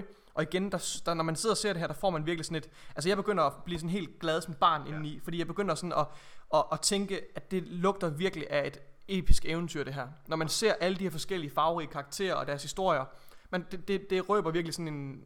Altså, der, der gemmer sig en virkelig en virkelig, virkelig fed øh, historie under det her. Men det der, det der er fedt ved mig, det er jo, når man har spillet, øh, og derfor jeg ikke peger på Outer Worlds, men når man har spillet Bethesdas andre ja. titler, som det, har... Det, det, er jo det, det er jo min reference det, det, det er Worlds. Ja. Men, men i, for eksempel i Skyrim og Fallout, der er så mange forskellige fraktioner, og alt efter hvilken... Altså hvor du ender med at lægge din loyalitet og ja. din spillestil, så er historien anderledes for dig, som den er for mig. Giver det mening? Ja, altså det, 100%. Altså, virkelig, og, og det har jeg jo allerede. Jeg har ikke spillet Fallout 4 særlig længe, Nej. men jeg har allerede snuset til at og mærket de der gameplay mechanics at work. Og, og det, er, det er det Bethesda kan, det er det der definerer en Bethesda RPG. Så jeg, jeg ved præcis hvad det er, og, jeg, og Outer Worlds vil jeg sige er nok lidt en light udgave af det. Den er mere fokuseret, og den er mere sådan, øh, ja, skarp. Der, der er knap så, knap, knap så mange variable øh, i spil. Øh, men den har stadigvæk lidt af de samme elementer. Øh, men det er klart, at min reference er selvfølgelig The Outer Worlds, og jeg synes, det minder meget om The Outer Worlds, bortset fra, at det her er meget mere grounded, det er meget mere realistisk, det er meget større. Og, og avanceret, avanceret, fordi så de går ind og kigger, nu jeg hopper lidt frem, hvad hedder det, fordi det ser fantastisk ud, og øh, så viser de uh, character customization yeah. øh, frem, som også ser imponerende ud, altså meget mere avanceret end alt det, der har været tidligere i noget Bethesda-spil. Øh, og så viser de, at man kan bygge sit eget skib. Og det er jo så her, hvor Nikolaj han... Hui! Oh, kan den have to vinger? Kan den det? Oh, udfra Og jeg tænker også, kan man flyve hen synes... til sit eget hus og se, hvordan det ser ud? Jeg synes, og jeg synes det her det er helt klart en af højdepunkterne, og det er meget intentionelt, at de viser det her til sidst, fordi det er unægteligt noget af det mest imponerende øh, system, vi ser i spillet. Øh, at, at det er så, øh, altså det har, at det rummer så meget, så mange, øh, så mange detaljer, øh, og at man så også kan bygge sit eget skib øh, og customize det. Mm Øhm, og man, vi så, at man kan bygge baser, hvilket er en game mechanic, der har været i, i andre, Fallout 4. og Fallout 4 eksempelvis. Og man kan tage nogle af de her companions, de her mennesker, man møder på sin rejse, og udstationere dem på sin outpost, hvor de løser forskellige opgaver. Det, og, og det her med, det her, grund til, at jeg synes, det er så fantastisk med det her med, med ens rumskib, man kan bygge sit eget rumskib, og man kan flyve det øh, rundt på de her planeter, det er, at vi bevæger os virkelig meget ind i øh, Star Citizens territorie. Og Star Citizen er jo et spil, der har været under udvikling. Altså, det er det dyreste spil, nogensinde udviklet, tror jeg. Øh, og det hele er crowdfunded. Jo, det er jeg ret sikker på. Det, det er det dyreste. Jeg, jeg er ret sikker på, og, ja, det finder de ud af. Hvad hedder det, um, og, og, og det er virkelig blevet... Altså det, det, det er ligesom den ting, det er det, det, er det Star uh, Citizen kan. Altså det er derfor, det er en, en space uh, simulator. Uh, så jeg synes, det er enormt imponerende, at, uh, at de lykkes med at implementere det her system i, uh, i Starfield. Og det, altså, det er... Jamen, der kan du se. Du har ret, vi har lige slået det frem. Jeg har lige slået, ja. slået det op. Hvad er de dyreste spil nogensinde lavet? Øh, og Star Citizen ligger faktisk på førstepladsen, i hvert fald på den her liste, jeg ser lige nu, øh, fra Game Rant, og den øh, har efter sigende kostet mere end 339 millioner øh, dollars. Altså det er det er, sind, det er sindssygt, Nikolaj. Ja. Og det er crowdfundet, ja. Og, og det helt seriøst, det her, det som de viser frem her, det appellerer til virkelig, virkelig, virkelig stort publikum. Og det, jeg garanterer, at de her Star Citizen fans, de sidder også og bliver helt våde i bukserne. Og hvis de ikke allerede var interesseret i Starfield, så er de det i hvert fald nu. Og så kan du også flyve i det her spil. Altså du kan simpelthen flyve rundt i dit rumskib, og der er space battle og alt Prøv, jeg glæder mig helt meget. Og jeg vil faktisk sige, altså hvis man skal give det her show én ting, og, øh, og det her det er altså ikke bare noget, jeg siger. Vi snakkede faktisk også om det, inden det her show overhovedet var der, da jeg, jeg hentede Nikolaj, og så kørte vi her hjem. Og så snakkede vi lidt om, hvad er det egentlig, altså hvad for et spil glæder vi os egentlig mest til? Og øh, jeg skal være ærlig at sige, og jeg ved, jeg er en minoritet. Jeg glæder mig ikke særlig meget til God of War Ragnarok. Jeg, jeg, jeg tror ikke, det kommer til at leve op til forventningerne, og jeg tror, det bliver sådan en, jeg tror, det får 8 ud af 10, hvilket jo er fint. Men 8 ud af 10, sammenlignet med det, øh, forgængeren fik, det kommer til at gøre, at spillet kommer til at være en skuffelse. Det er min forudsigelse. Jeg kan tage fejl.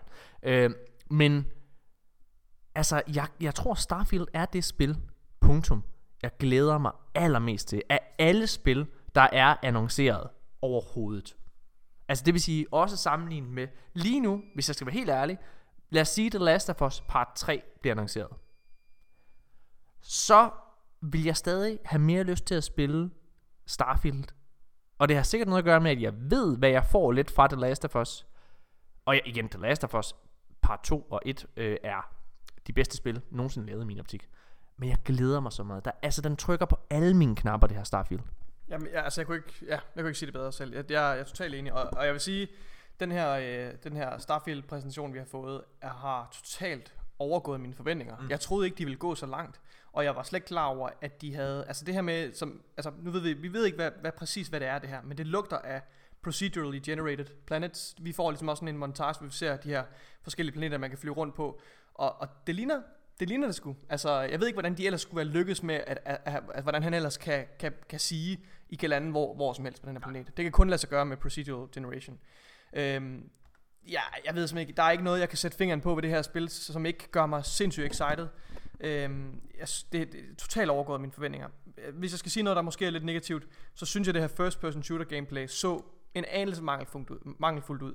Men igen, jeg kan ikke understrege, om altså det her spil rummer så mange elementer, det rummer så mange systemer, øh, altså fra, fra historien til, til omgivelserne, til, til altså create your own adventure, til øh, byg dit eget skib, byg din egen base. Altså, så, så jeg kan sagtens se gennem fingre med, at gameplayet ikke er Destiny. Kan du følge mig? Ja. Øhm, jamen, jeg er helt ja. enig. Altså, øh, jamen, jeg, jeg, jeg glæder mig. Øh, og hvis vi sådan skal afslutte det her segment lidt i, i den her episode, så, øh, så vil jeg sige, at min, nu når vi sidder og snakket igennem, der er faktisk ret mange Altså der er mange bangers, hvor jeg godt kan anerkende, der er mange, altså de, de, de har en titler.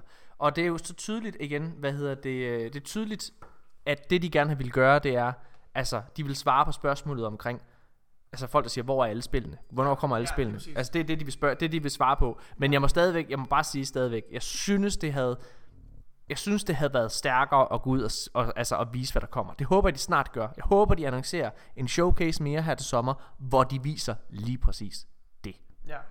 Det kan være, at vi skal snakke lidt om, hvad, øh, hvad, der, hvad, der, hvad der manglede til den her præsentation. Jamen, det er jo lidt det, jeg mener. Altså, det eneste, du, du har skrevet lidt her, det eneste, man kan sige mangler direkte, det er Call of Duty, øh, hvad hedder det, Modern Warfare 2, fordi det er et spil, som man ved kommer til at være en del af, af Game Pass. Men den har lige haft en showcase på, til Summer Game Awards. Så, så, den, så den føler jeg ikke rigtig... Nej, ja. og, og igen, ud fra deres øh, præmis, som er, det skal være spil, som kommer inden for det næste år. Ja. Så, så, så, så kan de det, andre... Det er, jo netop, det er jo netop det, der begrænser det. Altså, men de kunne men, måske godt have sagt, og længere ude i horisonten, der kan I så glæde jer til det her. Men yeah. nu må vi se, hvad, hvad der sker med den næste follow-up showcase. Men jeg tror altså bare, bare i går sådan. Jeg tror, at det næste follow-up øh, bliver, at, at de sætter sig ned og har nogle, øh, de har en sofa, og så har de en vært, og så har de nogle forskellige udviklere, der er inde og fortælle i øh, 3-4 minutter ad gangen, whatever, øh, hvor de lige viser noget, noget concept art, der fortæller lidt om spillet, og så går man, hvor de udvælger altså bestemte spiltitler. Mm. Og jeg forventer, at, øh, jeg håber. At, at, at, at, selvfølgelig er Todd Howard, der fortæller måske lidt om Starfield, øh, og der er nogen fra øh, Obsidian, øh, der fortæller lidt. Øh, jeg er sikker på, at, øh, at uh, Flight Simulator Sobo også er til stede. York Newman. Oh, York, jeg elsker dig. Ja, og, øh, jeg, jeg synes stadigvæk det. Jeg synes jeg, jeg sagde tidligere at jeg synes det her det er det dårligste. Hvad hedder det? Den st- dårligste showcase om altså som Xbox har haft. Altså som, står du ved det? Det står jeg ved. Okay. Jeg står ved, altså i forhold til, at det her det er deres store event, der har været stor hype og begejstring til det. Folk har forventet en E3-agtig showcase. Det synes jeg, den kunne leve op til. Den har ikke haft nok af de her blockbuster titles, der har været for meget fyld. Og jeg synes faktisk, at de der 90 minutter, selvom jeg er enig med dig i, at tempoet var okay, egentlig, øh, så synes jeg stadigvæk, at, der, at den tabte momentum, og jeg sad flere gange undervejs og havde lyst til at skyde knuppen af mig selv, for der var så mange spil, jeg ikke gad at høre om, personligt. Ja, men, men Og det deler og, du. og det er jeg enig i. Øh, så det, jeg, vil, jeg vil gerne, altså det er jo ikke det bedste øh, øh, Xbox Showcase, vi har set, men jeg føler lidt, at det her med, at der er mange af de her titler, som vi ikke gider at se, det, det vil jo altid være tilfældet med de her præsentationer, og jeg kan ikke komme, i- komme i tanke om en præsentation, hvor jeg ikke har siddet flere gange og taget mig til hovedet og tænkt, hvorfor, hold nu kæft, kom nu videre, jeg vil, vis, vis mig nu det, jeg gerne vil se. Altså, sådan er vilkårene bare med de her præsentationer. Der er vel Sådan plejer det bare ikke at være. Sådan plejer, og det, er det, Jeg det, enig. jamen, det er jeg enig i mig selv i. Hvad, det, hvad hedder det? Jeg, jeg, jeg synes... Øh, jeg synes lige præcis, det er det, de har været virkelig gode til. Og jeg, jeg har altid sagt, at Xbox har holdt de bedste E3 showcases, de har haft, haft i, og også i min har haft de bedste sådan, sommer showcases normalt. Øh, så kan man mene om spillene, man vil, men jeg synes bare, der har været game, game, game, game hele tiden. Øh, og altså sådan nogle blockbuster titles, og det har der bare ikke været den her gang, og derfor var jeg personligt skuffet. Lad os Øhm, holde en Hvis jeg kort... skal sige noget negativt, Nå, vil jeg bare ja, sige, ja. 12 måneder er lang tid. Øhm, så altså, Men de har, de har tabt de har tabt 2022. Ja. Det, der, det her kan ikke ændre på, og, altså, du ved, der, der, skal, der skal mere en, øh, en fremragende Starfield, en uforglemmelig Starfield-præsentation til at få mig til at glemme, at der på trods af, at ikke er nogen, rigtig er nogen øh, eftertragtede spil, udover Plague Tale, øh, som udkommer i år.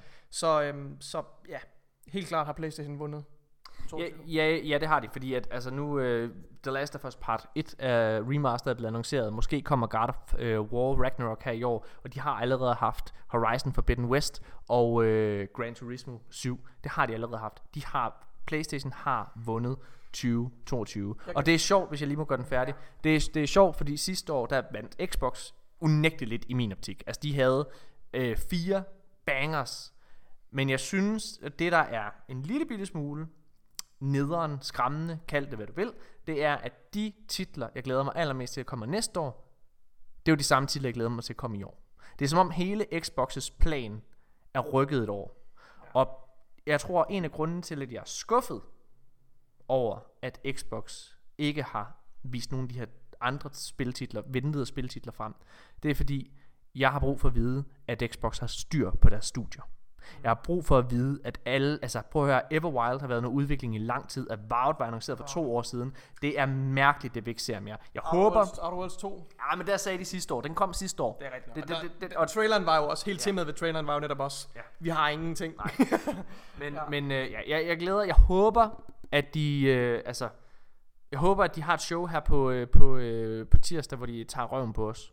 Og øh, viser alle de ting, som, altså bare teasers. Prøv at- bare en annoncering. Det, Det det tror tror jeg- jeg heller ikke. Det, Det tror jeg heller ikke. til at ske. Jeg tror, det man godt kunne forvente, måske, det var, at der kom øh, en teaser til Halos, til Halo Infinites øh, campaign DLC. Ja. Og dog, altså, hvis, hvis temaet for den her præsentation var, det her kan I se frem til det næste år, så kunne det godt være, at der måske lige var plads i næste præsentation, til de kunne sige, det her det er det, I kan se frem til fremover. Ja, fordi jeg, jeg har det lidt med det her showcase, at de brugte så lang tid på hvert enkelt spil. Jeg så ret meget, øh, hvad hedder det, altså jeg så ret meget af Forza Motorsport. Ja. Jeg så ret Ja. meget af Starfield. Jeg har ikke brug for mere. Jeg har ikke brug for, at de går i dybden med de der ting. Jeg vil Nej. have, at de viser mig mere. Og hvis, altså jeg håber, Phil Spencer han sidder der, and now, I'm gonna fuck you guys. Og så viser han bare hans store fede dealer. Men det har han ikke rigtig gjort, den her. Det jo sådan, Vis os den, Phil. Phil viser nu den penis. Altså, hvad hedder det? Det er som om, at Don't han, han, nu- han har stået og snakket om, altså, hvis jeg skulle komme med en metafor for det her show her, ikke også? Så er det sådan, Phil Spencer, han har stået i lang tid og snakket om, ah, I, I got a real big dick. I got a real big dick. Oh, I got a big dick. Og så, åh oh, fedt mand, Phil, vis mig den store fucking diller, du har. Oh yeah, I'm gonna show it. Jeg kommer til at vise den. Jeg kan vise den lige om lidt. Åh, oh. så vis den.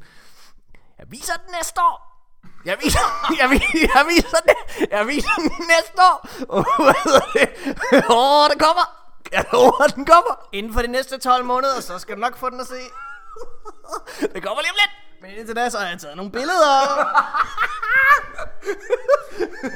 Og det er, altså, altså, Men kun tippen.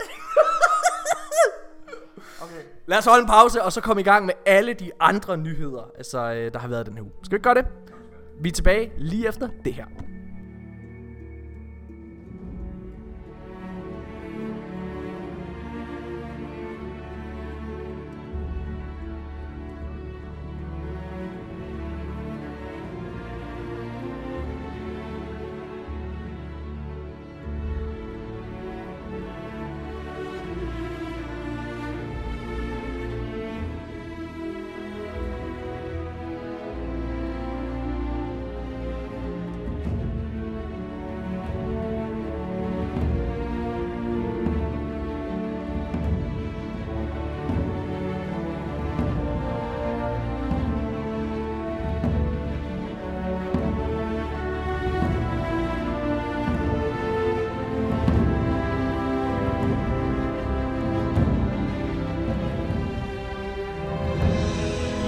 Så er vi tilbage igen, og øh, nu skal vi snakke om alle de andre nyheder, der er øh, der ligesom er, er sket her den forgangne uge, fordi der har jo altså også været Sommer Game Fest, og de havde deres åbningsceremoni, åbningsshow, kald det hvad du vil, her i, øh, i torsdags.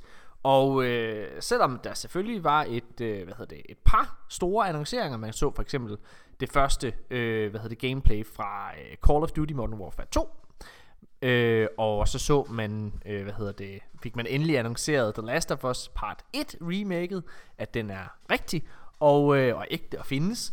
Og så så man også gameplay, det første gameplay fra The Callisto Protocol. Men udover det, så var det lidt en tynd omgang, vil jeg sige. Altså det var det, jeg ved ikke om du så showet, gjorde det? Det gjorde jeg ikke, men jeg, jeg giver dig ret i, det er en tynd omgang. Hvordan ved du det, hvis du kan se det? Jamen bare baseret på, altså baseret på de udgivelser, der var. Nå, ja, du mener i forhold til... Ja, ja. Øh, og det var ret langt også. Altså det var, det var sådan flere timer faktisk. Øh, ja, det var det. Øh, så, så ja, det, det, det var...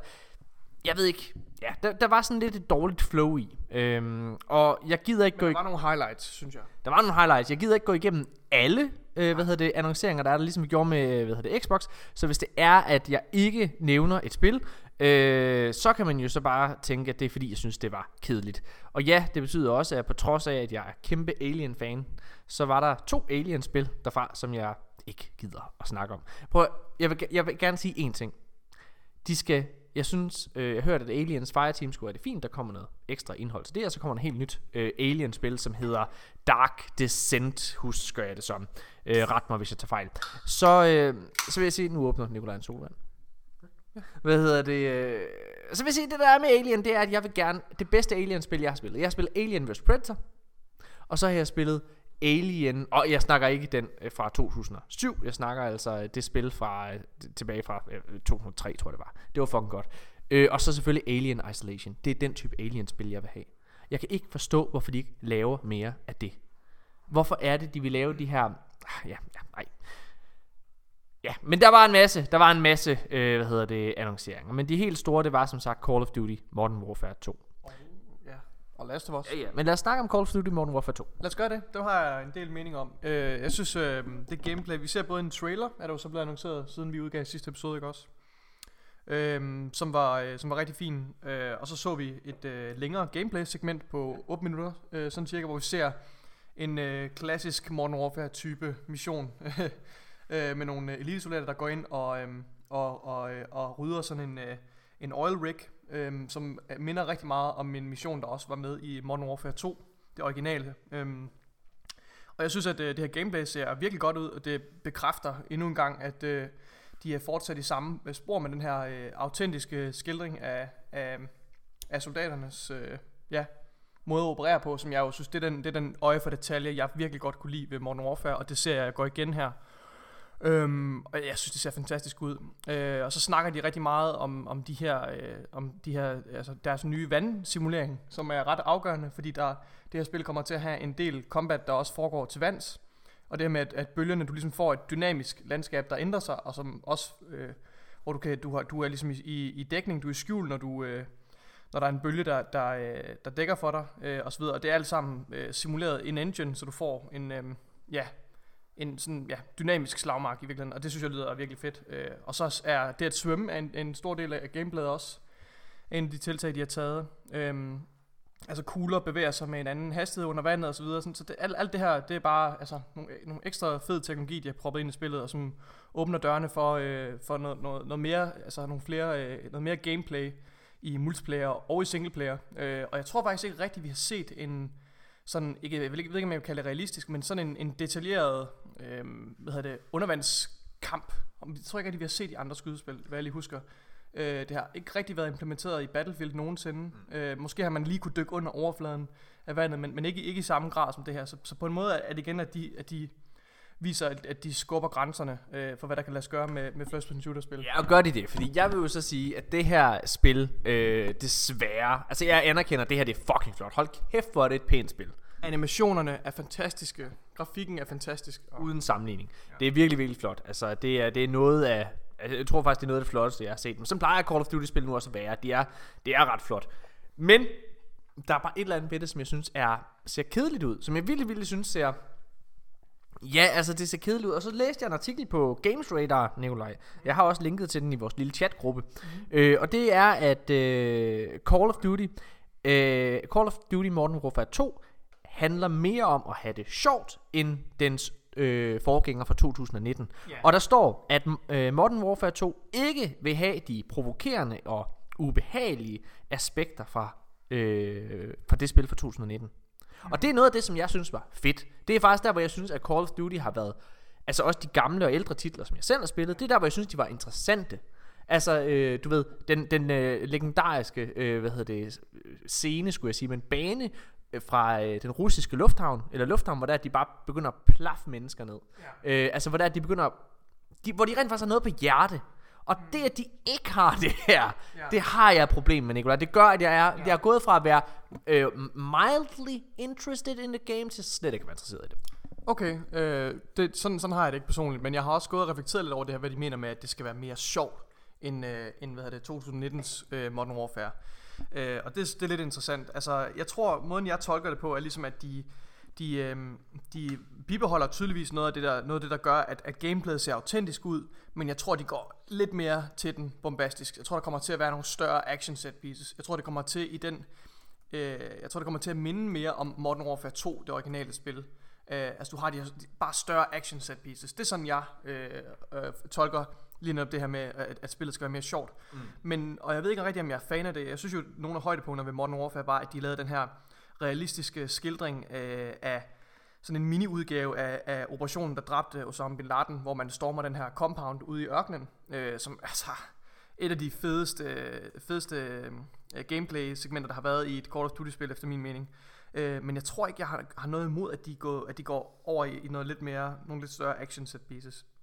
Det har jeg ikke umiddelbart nogen problemer med. Jeg synes stadig, man ser i gameplayet det her med, at, at deres animationer er vildt flotte. De har tydeligvis stadigvæk haft det her øh, avancerede øh, altså virkelig, virkelig kompetente konsulenter på, der gør, at spillet ser autentisk ud. Jeg tror, det er det, der er mest vigtigt for mig. Jeg skal blive reddet med. Jeg skal, jeg skal, blive, jeg skal sælges til ideen om, at nu er vi den her, det her øh, håndplukkede øh, hold af elitesoldater, der skal ud og løse de her meget, meget øh, vanvittige operationer, hvor der er meget på spil. Altså, det, er den, det er den fantasi, jeg gerne vil udleve med det her spil.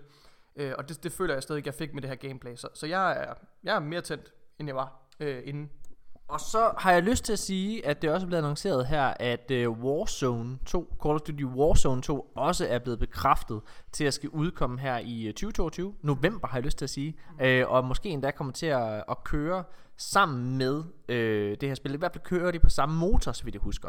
Der var sådan et show, øh, hvad hedder det, en, øh, interview, øh, et interviewsegment i Summer Game Fest, hvor udviklerne fra Call of Duty var inde og snakke omkring det her med, at det, at det er en ny æra, der starter for Call of Duty. Ja, og det er, der, og det er, er Warzone helt sikkert en kæmpe stor del af, men der, jeg vil sige, der er et tiltag mere, øh, som har lidt at gøre med Battlefield, og vi kommer lidt mere ind på Battlefields øh, tilstand øh, senere i episoden. Øh, men jeg, jeg ser også det her med, at de vil, de vil, de vil gå, gå i større stil med det her vehicle combat. De vil i virkeligheden prøve at tage noget af Battlefields territorie og tage nogle af Battlefields spillere. Mm.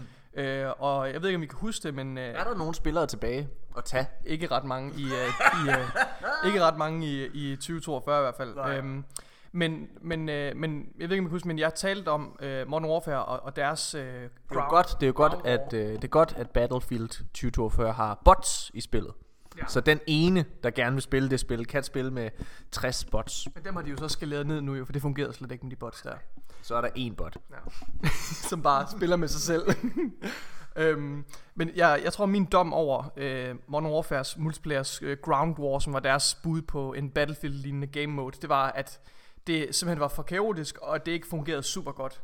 Du ved, altså, Mm. Det var et, et skridt i den rigtige retning med vehicle combat og så videre, men, men der manglede, det mangler stadigvæk noget af det, der virkelig gør Battlefield til Battlefield, og det er øh, altså øh, omgivelser, man kan ødelægge og så videre. Øh, men det lader til, at, øh, at de er gået endnu mere, de har investeret endnu mere i at gå efter Battlefields territorie den her gang, ud fra de developer interviews og ting, jeg har læst omkring. Øh, så det er virkelig spændt på at se, hvad de lykkes med den her gang. Og der er det her med undervands gameplay er en del af det. Nu er der både med, øh, også øh, altså rib, gummibåde og så videre, øh, og, og flere køretøjer øh, end nogen før, og meget mere øh, detaljeret øh, vehicle destruction, og nu køretøjer, de efterlader også de her husks, altså når de går i stykker, så efterlader de permanente øh, obstructions på øh, slagmarken også. Så det begynder at ligne mere og mere Battlefield, og det er tydeligt, de går efter Battlefields territorie, og der er ikke noget bedre tidspunkt at gøre det på, fordi, som vi også kommer ind på senere, det går fandme ikke særlig godt for Battlefield. så det synes jeg er virkelig spændende. Altså, jeg, jeg er generelt virkelig, virkelig optimistisk. Jeg tror, det bliver rigtig godt. Ja, jeg er ikke så optimistisk. Jeg synes, det ser flot ud, og jeg, jeg er sikker på, at, at fans af Call of Duty, ligesom dig, Nikolaj, kommer til at nyde det, men, men det sagde mig desværre ikke så meget.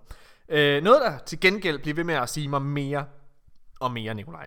Har du set gameplayet til The Callisto Protocol? Det har jeg, og det skræmmer mig helt ind i min sjæl. Fuck, hvor ser det godt ud. Prøv at høre her. Jeg tror, at The Callisto Protocol, og det mener jeg det her, jeg tror, at The Callisto Protocol er blevet det spil, jeg glæder mig mest til i 2022. Det siger jeg bare. Jeg synes, det ser vanvittigt ud. Man kan mærke, at det er ham, der har lavet Dead Space. Det originale Dead, Ski, uh, Dead Space. Hvad han hedder? Han hedder Schofield. Hov, oh, hvad fanden nu får jeg til at fuck noget op her. Hvad hedder det? Øh, ja, altså, um, det, ser, det ser fantastisk ud. Den har så mange, uh, hvad hedder det? Uh, hvad, sige, det den har så mange paralleller til det originale Dead Space, altså hvor livet det er sådan i nakken, øh, altså bag på din karakter, så du kan sidde og se det. Du, mig og Nicolai, vi sidder og ser gameplay af det lige nu, ja. og du kan se det heroppe i, i bagved, og det ser bare det så godt flot. ud. Det er fucking flot, det er fucking flot. Og det er, altså det er gudesmukt, fucking sjovt ud. Gameplayet, det har også mange af de her, altså elementer fra Dead Space, det originale, hvor det er, at man kan partere øh, fjenderne, altså skære lemmer af dem. Det er gudesmukt. Og Nikolaj, vi sidder som sagt og ser det her gameplay lige nu. Kan du øh, forklare, hvad du ser? Øhm, jamen jeg ser øhm, vores hovedkarakter, som øh, bevæger sig igennem nogle meget, meget dystre omgivelser. Altså, der ligner sådan nogle, øh, det ligner nærmest sådan en, en medical bay, ja. en teknologisk sci-fi medical bay. Og så øh, kan han ligesom fremtænge sådan et hologram, hvor han kan se, hvad der er sket. Ja. Øhm, som kan lege detektiv. Ja, sådan en detektiv mode, hvor han ser et hologram af en patient, der ligger på på en brix, og så lige pludselig begynder at jump de her to læger og myrde dem på ja. brutal vis. Øhm, ja, det ser, det ser fucking godt ud. Det er virkelig, virkelig flot øh, grafik. Ja. Altså. jamen, jeg, jeg, jeg må bare sige, jeg, jeg, men det ser fandme også uhyggeligt ud. jeg ved ikke, om jeg ja, ja, ja, ja, jamen, jeg må indrømme, jeg kom jo igennem øh, altså Dead Space. Jeg kom igennem Dead Space 1 og 2, og jeg er altså virkelig en kylling. Øh, og jeg, jeg nossede mig igennem der. Jeg vil også sige, at det er noget af det uhyggeligste, jeg prøvet. Men det var, historien er så god i Dead Space. Og det er det, jeg fornemmer. Jeg fornemmer alt. Han trykker på alle de rigtige knapper. Ja. Øh, så det glæder mig rigtig, rigtig meget til. Så, og den, jeg nævner den, øh, fordi øh, Teenage Mutant Ninja Turtles Swe- uh, Shredder's Revenge, den udkommer snart. Og det er jo sådan en, det er jo sådan en, øh, hvad kan man sige, sådan en, et throwback, det er sådan en nostalgisk throwback til uh, Turtles-spillene fra 90'erne, og der er rigtig, rigtig mange, der glæder sig til det her spil, ved jeg. Og nu er det lige kommet... Er du en af dem, Nej, ikke rigtigt. Men jeg anerkender, at... at, at altså, jeg, jeg kunne godt finde på at spille det. Altså, det har virkelig den der 90'er... Det er noget, der kører på en Game Boy Advance. Ja, men altså, det er også... Det er den her type, hvad hedder det, spil, som... Øhm, som var i, i start 90'erne. Og, og igen, det, og det har den her, hvad hedder det, øh, karaktererne er de samme som fra Turtles fra 90'erne også. Så ja, det, det er virkelig, virkelig fedt. Øh, det kan jeg sagtens se, folk glæder sig til. Og øh, det kommer altså på Game Pass Day One, Nikolaj. Det er get, og det, det mener jeg faktisk, det er sådan legit et get for Xbox. Mm. Øhm, fordi den har ret meget hype forbundet med sig, det her spil. Den helt store annoncering, den var ikke så stor. For det var The Last of Us Part 1 remaket, som officielt blev annonceret. Men den nåede lige at leak et par timer før den blev annonceret til det her show, Nikolaj. Så den, altså, der var lige lidt af, af, af hypen, der gik fra det. Prøv at høre, Nikolaj, jeg har jo været kæmpe modstander af det her remake. Det har du også selv. Men jeg har været kæmpe modstander af det her remake. Og det har været fordi, at jeg, har, jeg kan ikke forstå, hvorfor man skulle lave et remake. Og det, der er blevet rygtet om, det, de rygter, der har været i krogene, det er, øh, det er at man vil øh, lave spillet helt fra bunden, og måske endda putte øh, hvad hedder det, skuespillerne fra HBO-serien ind i stedet for. Den her trailer til det her spil er så kommet frem, og det er en en-til-en øh, gengivelse af traileren til remasteren fra 2014. Ja. Øh, hvad hedder det? Og det er fint, så man kan sidde og se en, en direct comparison, ikke også?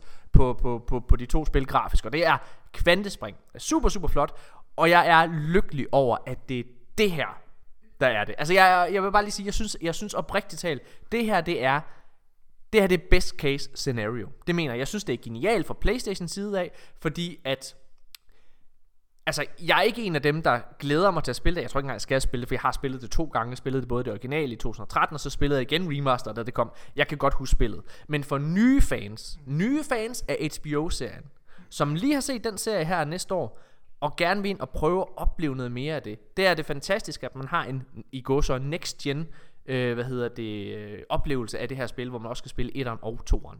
Så det synes jeg er rigtig, rigtig fedt. Øh, så ja, jeg synes, jeg, synes jeg, jeg er faktisk rigtig glad for det her. Altså ordet remake, jeg sø- føler, det har nogle associationer med sig. Jeg, jeg associerer det med, at man laver en slags øh, genfortolkning måske øh, af historien, hvor man, øh, hvor man måske bruger nogle andre karakterer eller lignende, eller historien ændrer sig måske på nogle, på nogle bestemte områder, men i grove træk, så forsøger den selvfølgelig at følge efter dens, dens, øh, den, det spil, den er baseret på, eller den historie, den er baseret på.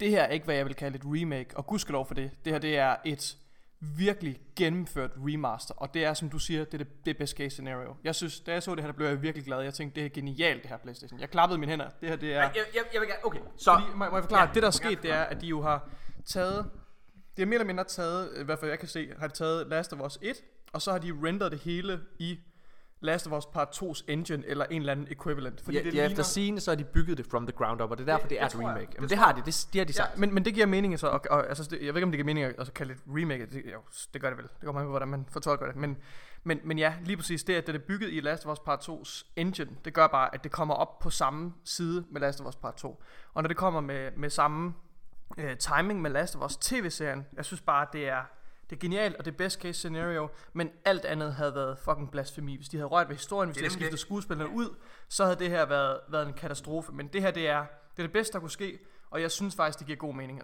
Især når man ser den her gameplay comparison, der bliver jeg nødt til at sige, hmm, ja, det, det synes jeg egentlig er, er acceptabelt, og, jeg, og jeg, jeg, synes, det er, jeg synes, det er godt, at det er sket. Lad mig sige det sådan.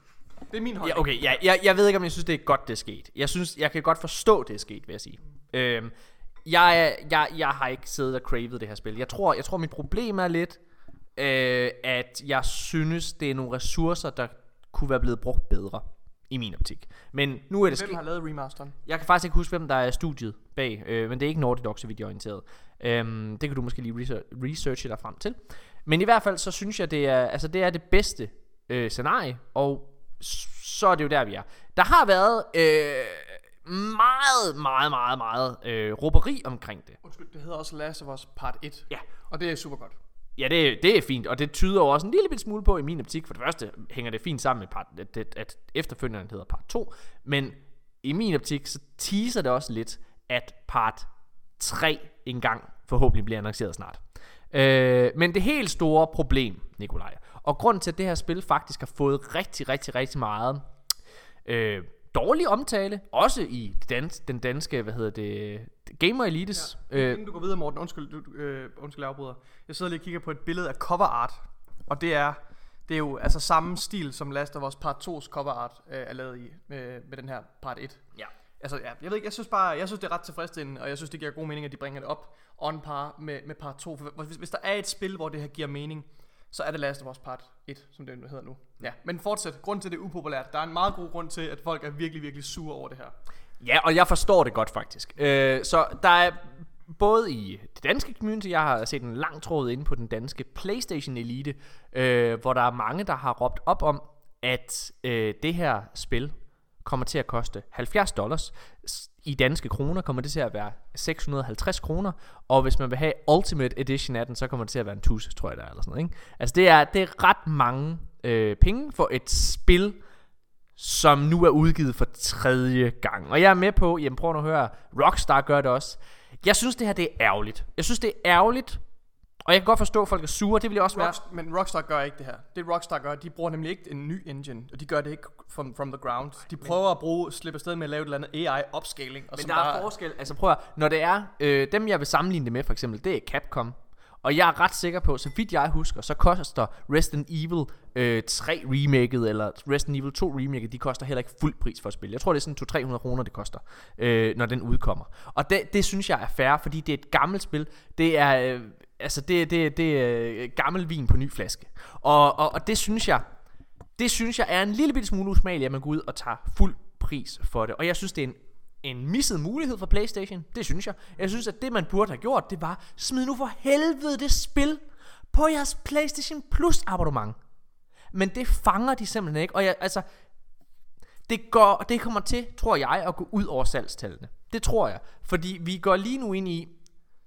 Jeg tror, altså igen, vi har snakket om, at Playstation de har vundet 2022. Men jeg tror stadigvæk, og det holder jeg fast i, på trods af, at jeg har været utilfreds med showcasen for, øh, for Xbox, så, så er jeg overbevist om, at Xbox kommer til at vinde den her konsolkrig stadigvæk. Og faktisk endnu mere nu. Og det afhænger af, at vi er gået ind på grund af krigen i Ukraine. Så er, vi, så er vi gået ind i, eller vi er på vej ind i en stor økonomisk krise, og inflationen den er højere, end den har været de sidste 35 år. Det betyder, at, det er, at den almindelige borger i verden har færre penge mellem hænderne. Og så er det bare øh, uheldigt, at man ved PlayStation tager så mange penge for et spil, som man gør. Når det er på Xbox, der kan man ret let få adgang til alle de her, for meget, meget få penge, kan man få adgang til hele deres bibliotek og mange andre spil igennem deres Game Pass.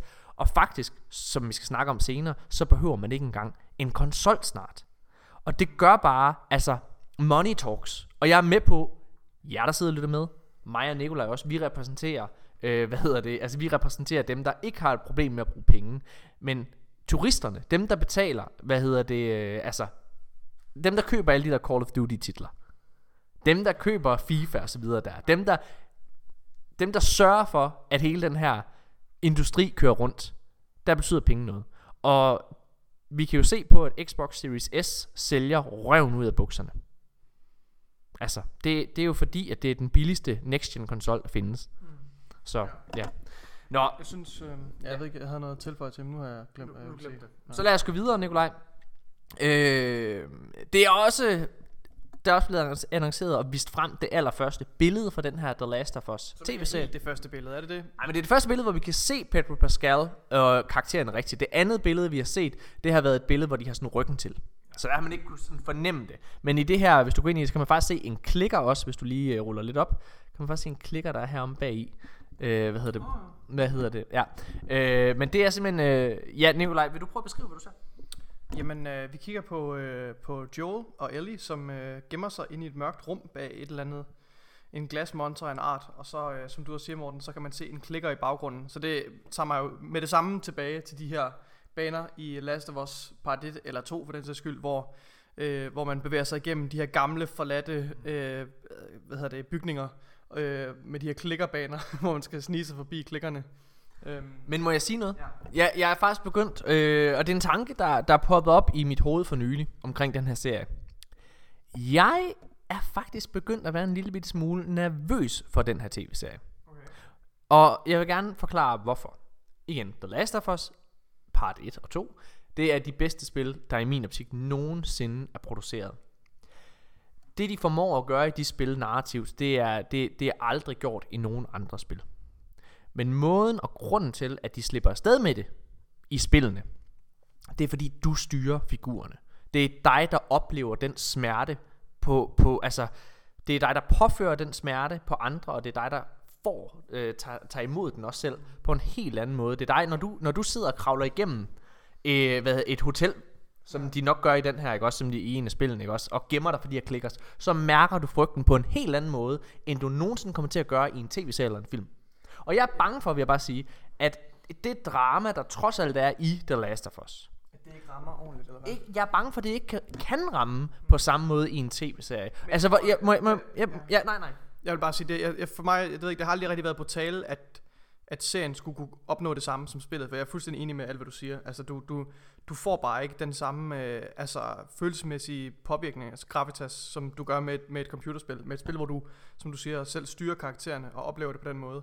Øhm, og, og, og, og vigtigst af alt måske kan tage det i dit eget pace. Altså meget det, der gør, at, at Last of Us fungerer så godt, som det gør, det er jo, at fordi imellem de her øh, hæsblæsende actionsekvenser, øh, hvor, hvor, hvor altså, tingene virkelig, altså hvor du er sultet ud til, du ved, du har kun én patron tilbage i din revolver, øh, at den er efterfulgt af en 20 minutters sekvens, hvor, du, hvor, hvor karaktererne ånder og går igennem byen, nogle gange i stillhed, andre gange med de her små bemærkninger, der, der bliver udvekslet mellem dem, og, og karakterernes kropssprog, som også er, er simuleret, eller hvad man skal sige, i spillet. Og det, det, det, er den, det er den kumulative effekt af det, der gør, at, at spillet er så specielt. Det er derfor, det er, det er så overbevisende, fordi man bliver så investeret i det. Øh, og, og de effekter, tror jeg, vil være meget vanskelige at reproducere i en serie på den måde. Altså. Og jeg har svært ved at se, hvis jeg skal være rigtig, rigtig hård. Fordi der er også gået en zombie fatigue i verden, ikke? Altså folk er også, jeg er i hvert fald ved at have nok af zombier. Og grunden til, at The Last of Us har kunne slippe afsted med det, det er fordi, de har haft den drejning, øh, altså i spillet, som de har, altså på det personlige. Det er også derfor, at Telltales The Walking Dead som spil er mesterligt. Men jeg har svært ved at se, at det her ikke bliver sammenlignet med for eksempel The Walking Dead. Så, og det er der mange, der ser, som måske skal jeg bare holde min kæft. Det er ikke en særlig passende sammenligning. Nej, men, men, men, øh, men ja, ja. Nå. Lad os gå videre. Udover øh, første billede for den her HBO-serie, som kommer næste år, så er The Last of Us multiplayeren tror jeg faktisk, altså Nikolaj, jeg kan tage fejl. Øh, vi har ikke haft tid til at forberede os så meget til den her episode. Men jeg, jeg tror faktisk, at det er første gang, at den her multiplayer officielt er blevet annonceret og blevet i talesat. Øhm, det er ikke meget, der er vist frem. Der er vist noget, øh, hvad hedder det, øh, concept art. Det er i San Francisco. Man kan se Golden Gate Bridge i baggrunden, ser det ud til. Øhm, og efter sines, altså det her det kommer til at være et standalone spil med øh, Neil Druckmann han sagde at øh, hvad hedder det de kommer til at at udkomme eller i hvert fald vi kommer til at høre mere omkring spillet næste år, men man går ud fra at det også udkommer. Øhm, det er et spil som skulle have sin egen historie også, og så skulle det være øh, hvad kan man sige, det skulle være det, det skulle være sådan ret ambitiøst, være blevet ret ambitiøst. Altså det skulle ikke bare være factions. Det overrasker mig lidt det her, han siger med, at der kommer en historie. Altså, øhm, Ja.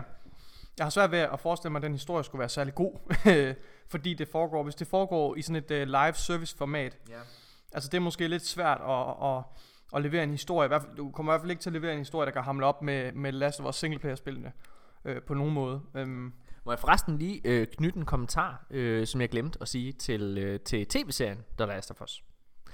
Der er det jo faktisk kommet frem, at øh, serien, den kommer til, og altså Neil Druckmann har afsløret det her.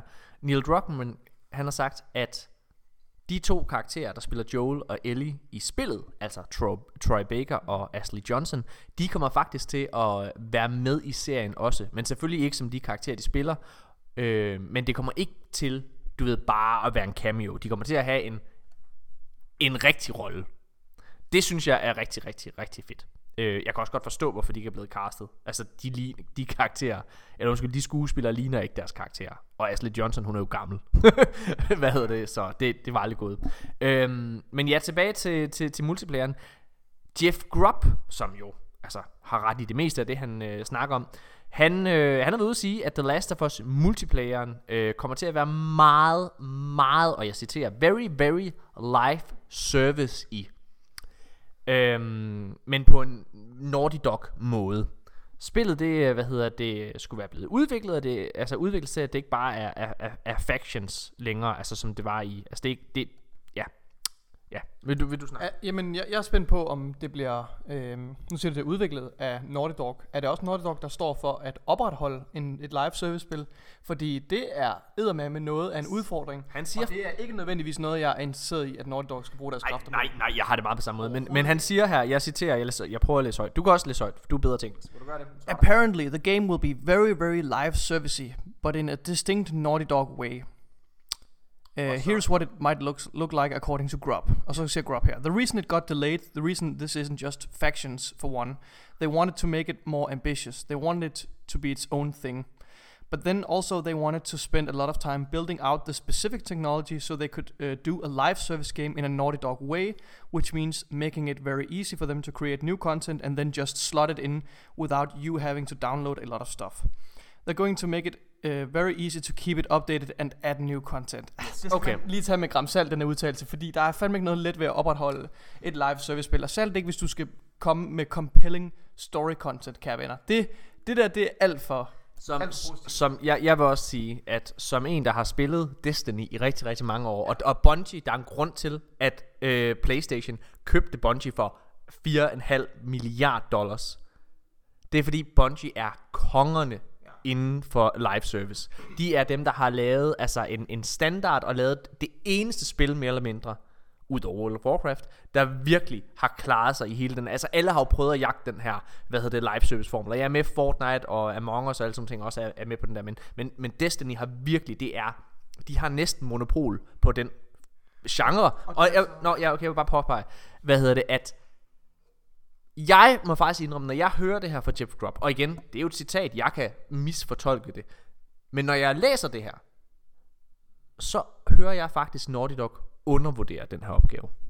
Det lugter det af, og altså, jeg kan slet ikke understrege, Bungie, det har, brugt, det har taget dem lang tid, det har taget dem flere år. Det har taget dem i hvert fald, det har taget dem næsten 5-6 år. Og de har stadig ikke løst det. Og de har stadig ikke rigtig løst, altså ikke for alvor løst problemet med at, at, at skabe en, en infrastruktur og en ekspertise, der er i stand til at opretholde et live service spil. Og ja, der er ikke nogen, der siger, at, at Naughty Dogs multiplayer skal have samme øh, omfang som, som, øh, som Destiny 2, øh, Destiny 2's live service offering. Men igen, hvis, hvis, hvis ambitionerne er, at du vil have et, et, et, øh, et engaging story content, og du vil holde folk engageret i et live service spil, det er en, altså, that's a deal with the devil. Det er en, det er en investering, du, altså, ja, ja, det lugter også af, hvis, hvis det er sandt, at han har den, den her, det her fra, fra, fra, fra kilder tæt på Naughty Dog, så er jeg også bekymret, fordi det lyder netop som om, at de undervurderer opgaven helt vildt. Og generelt vil jeg sige, at det her det er ikke noget, jeg har lyst til, at Naughty Dog skal bruge deres ressourcer på. Giv opgaven, lad, lad, dem, lad dem sætte den overordnede kurs, lad dem udvikle noget, noget story, og så give opgaven videre, og det her, den her service aspekt, give det videre til et støttestudie. Et kompetent støttestudie. Øh, men Naughty Dog skal ikke bruge en masse år på at, at opretholde et live service spil. Det skal de ikke. De skal bruge deres kreative kræfter på at flytte spilindustrien med, med de her fantastiske singleplayer spil. Det er min holdning. Jeg, jeg er meget spændt på, som en, en person, der virkelig godt kunne lide multiplayeren til The Last of Us, det der, der hed Factions, så er jeg faktisk spændt på, om de, i hvert fald ud fra min optik og min oplevelse med Factions, forstår, hvorfor Factions var sjovt at spille. Jeg har fortalt den her historie før, nu deler jeg den lige igen. Nikolaj hader, når jeg igen fortæller historien, men nu gør jeg det lige. Jeg synes, det der var fantastisk ved Factions, og det der var for min, øh, altså for mine øh, 20 kroner, var genistregen. Vil du lukke Light Simulator?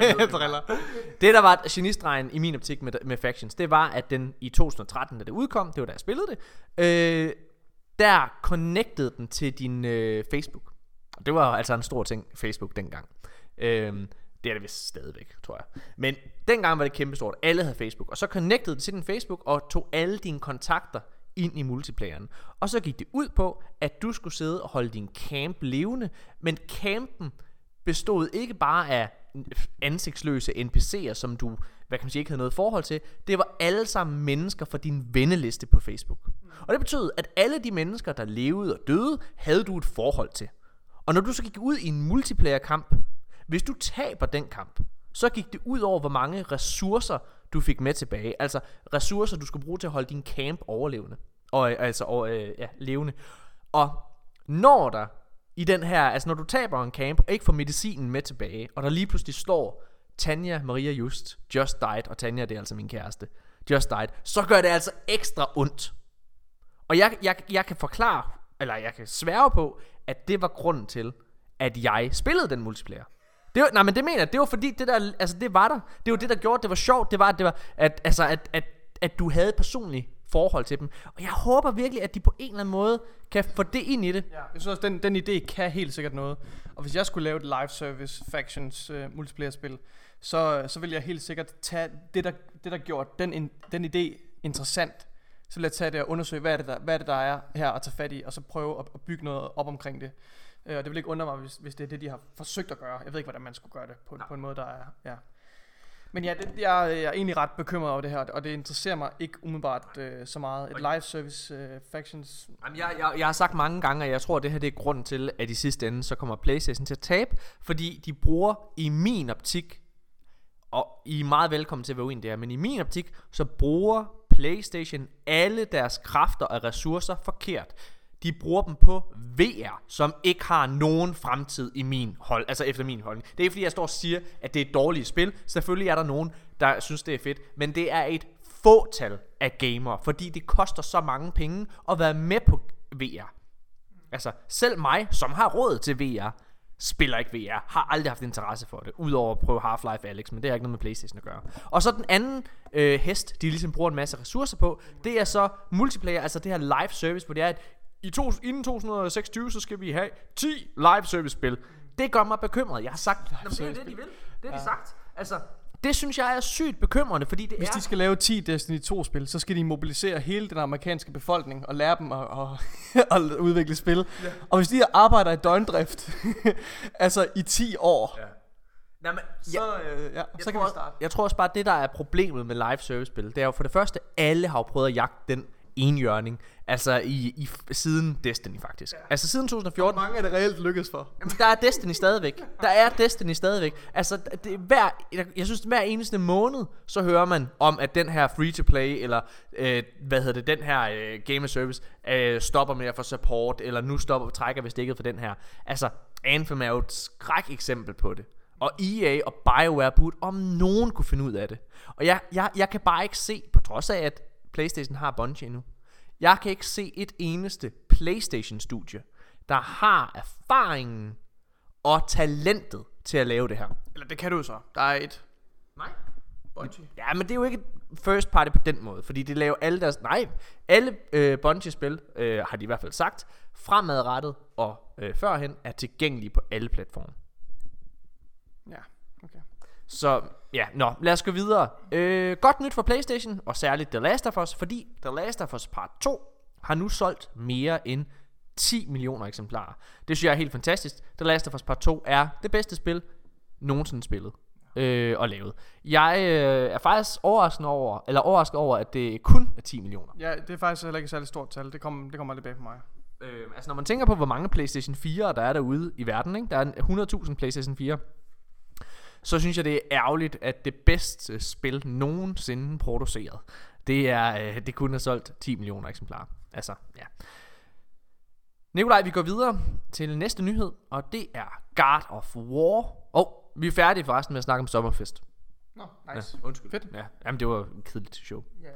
Det, det generelt, jeg er virkelig, virkelig spændt på, øh, altså, jeg håber, at både Playstation og faktisk også Xbox har et, et show igen til august. Eller juli. Altså Playstation har jo nok en noget mere State of Play, fordi State of Play er meningen, det skal være de her mindre, øh, ja. mindre hvad hedder det, shows, ikke også? Så mm. må ikke, der, der går nok ikke så lang tid, før de har noget mere at vise. Men, øh, ja. Det næste nyhed er... Ja, næste nyhed, det er, at God of War Ragnarok måske udkommer til november. Øh, rygterne går på, at spillet det faktisk skulle være udkommet her i september, men altså er blevet udskudt til, øh, til november nu, og fans er øh, bekymrede for, at øh, spillet det rykker sig over i, øh, i, i 2023.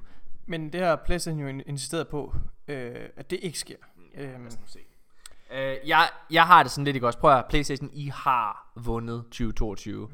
I får det til gengæld svært næste år øh, hvad hedder det, i hvert fald baseret på, på Xbox's showcase, hvor det er, at bare i de første halve år kommer der tre bangers fra, hvad hedder det, fra Xbox, der kommer Redfall endelig, Starfield endelig, og så Forza Horizon, nej undskyld, Forza Motorsport. Øh, det er tre bangers inden for de første tre år, eller første vi skal, år. vi skal huske, at, vi skal nok lige huske at nævne, at øh, de jo forsøgte at, at, at, at af, bortforklare øh, hvad hedder det, forsinkelsen af God of War Ragnarok med, mm.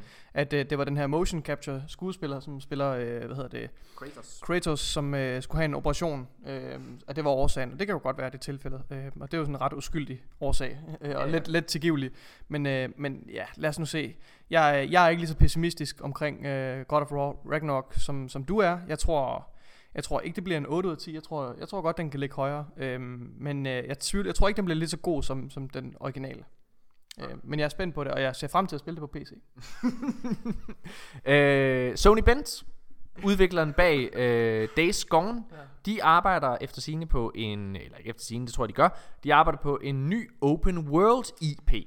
Og det her spil vil altså også have multiplayer, hvilket bare igen understreger Playstations insisteren på at satse hardcore på multiplayer. Og jeg synes, må jeg sige, ja. jeg synes bare, jeg synes det er ærgerligt, fordi PlayStation har nogle af de mest talentfulde spilstudier i verden. Og jeg synes det er ærgerligt, at de vil bruge deres Altså de er alle sammen, det de har levet på, det de har solgt sig selv på PlayStation, det er det narrative. Days Gone skulle efter sin også være et rigtig godt spil. Jeg har ikke spillet det, men jeg har hørt, at det skulle være rigtig, rigtig godt. Og det er jo igen det narrativ, der sidder og kører, og det er det, det, er det du investeret i. Det der multiplayer, det er bare det er en ny verden, og jeg tror bare, der er så mange af PlayStation-studier, der kommer til at falde og slå sig på den her erfaring. Ja, altså der, min umiddelbare reaktion på det her var, at jeg tænkte, at Sony Bent øh, endnu en gang er blevet øh, strongarmet af, af, af Sony, og er blevet offer for deres, øh, deres øh, dumme multiplayer-tiltag. Øhm, jeg ved ikke, om, om der er noget...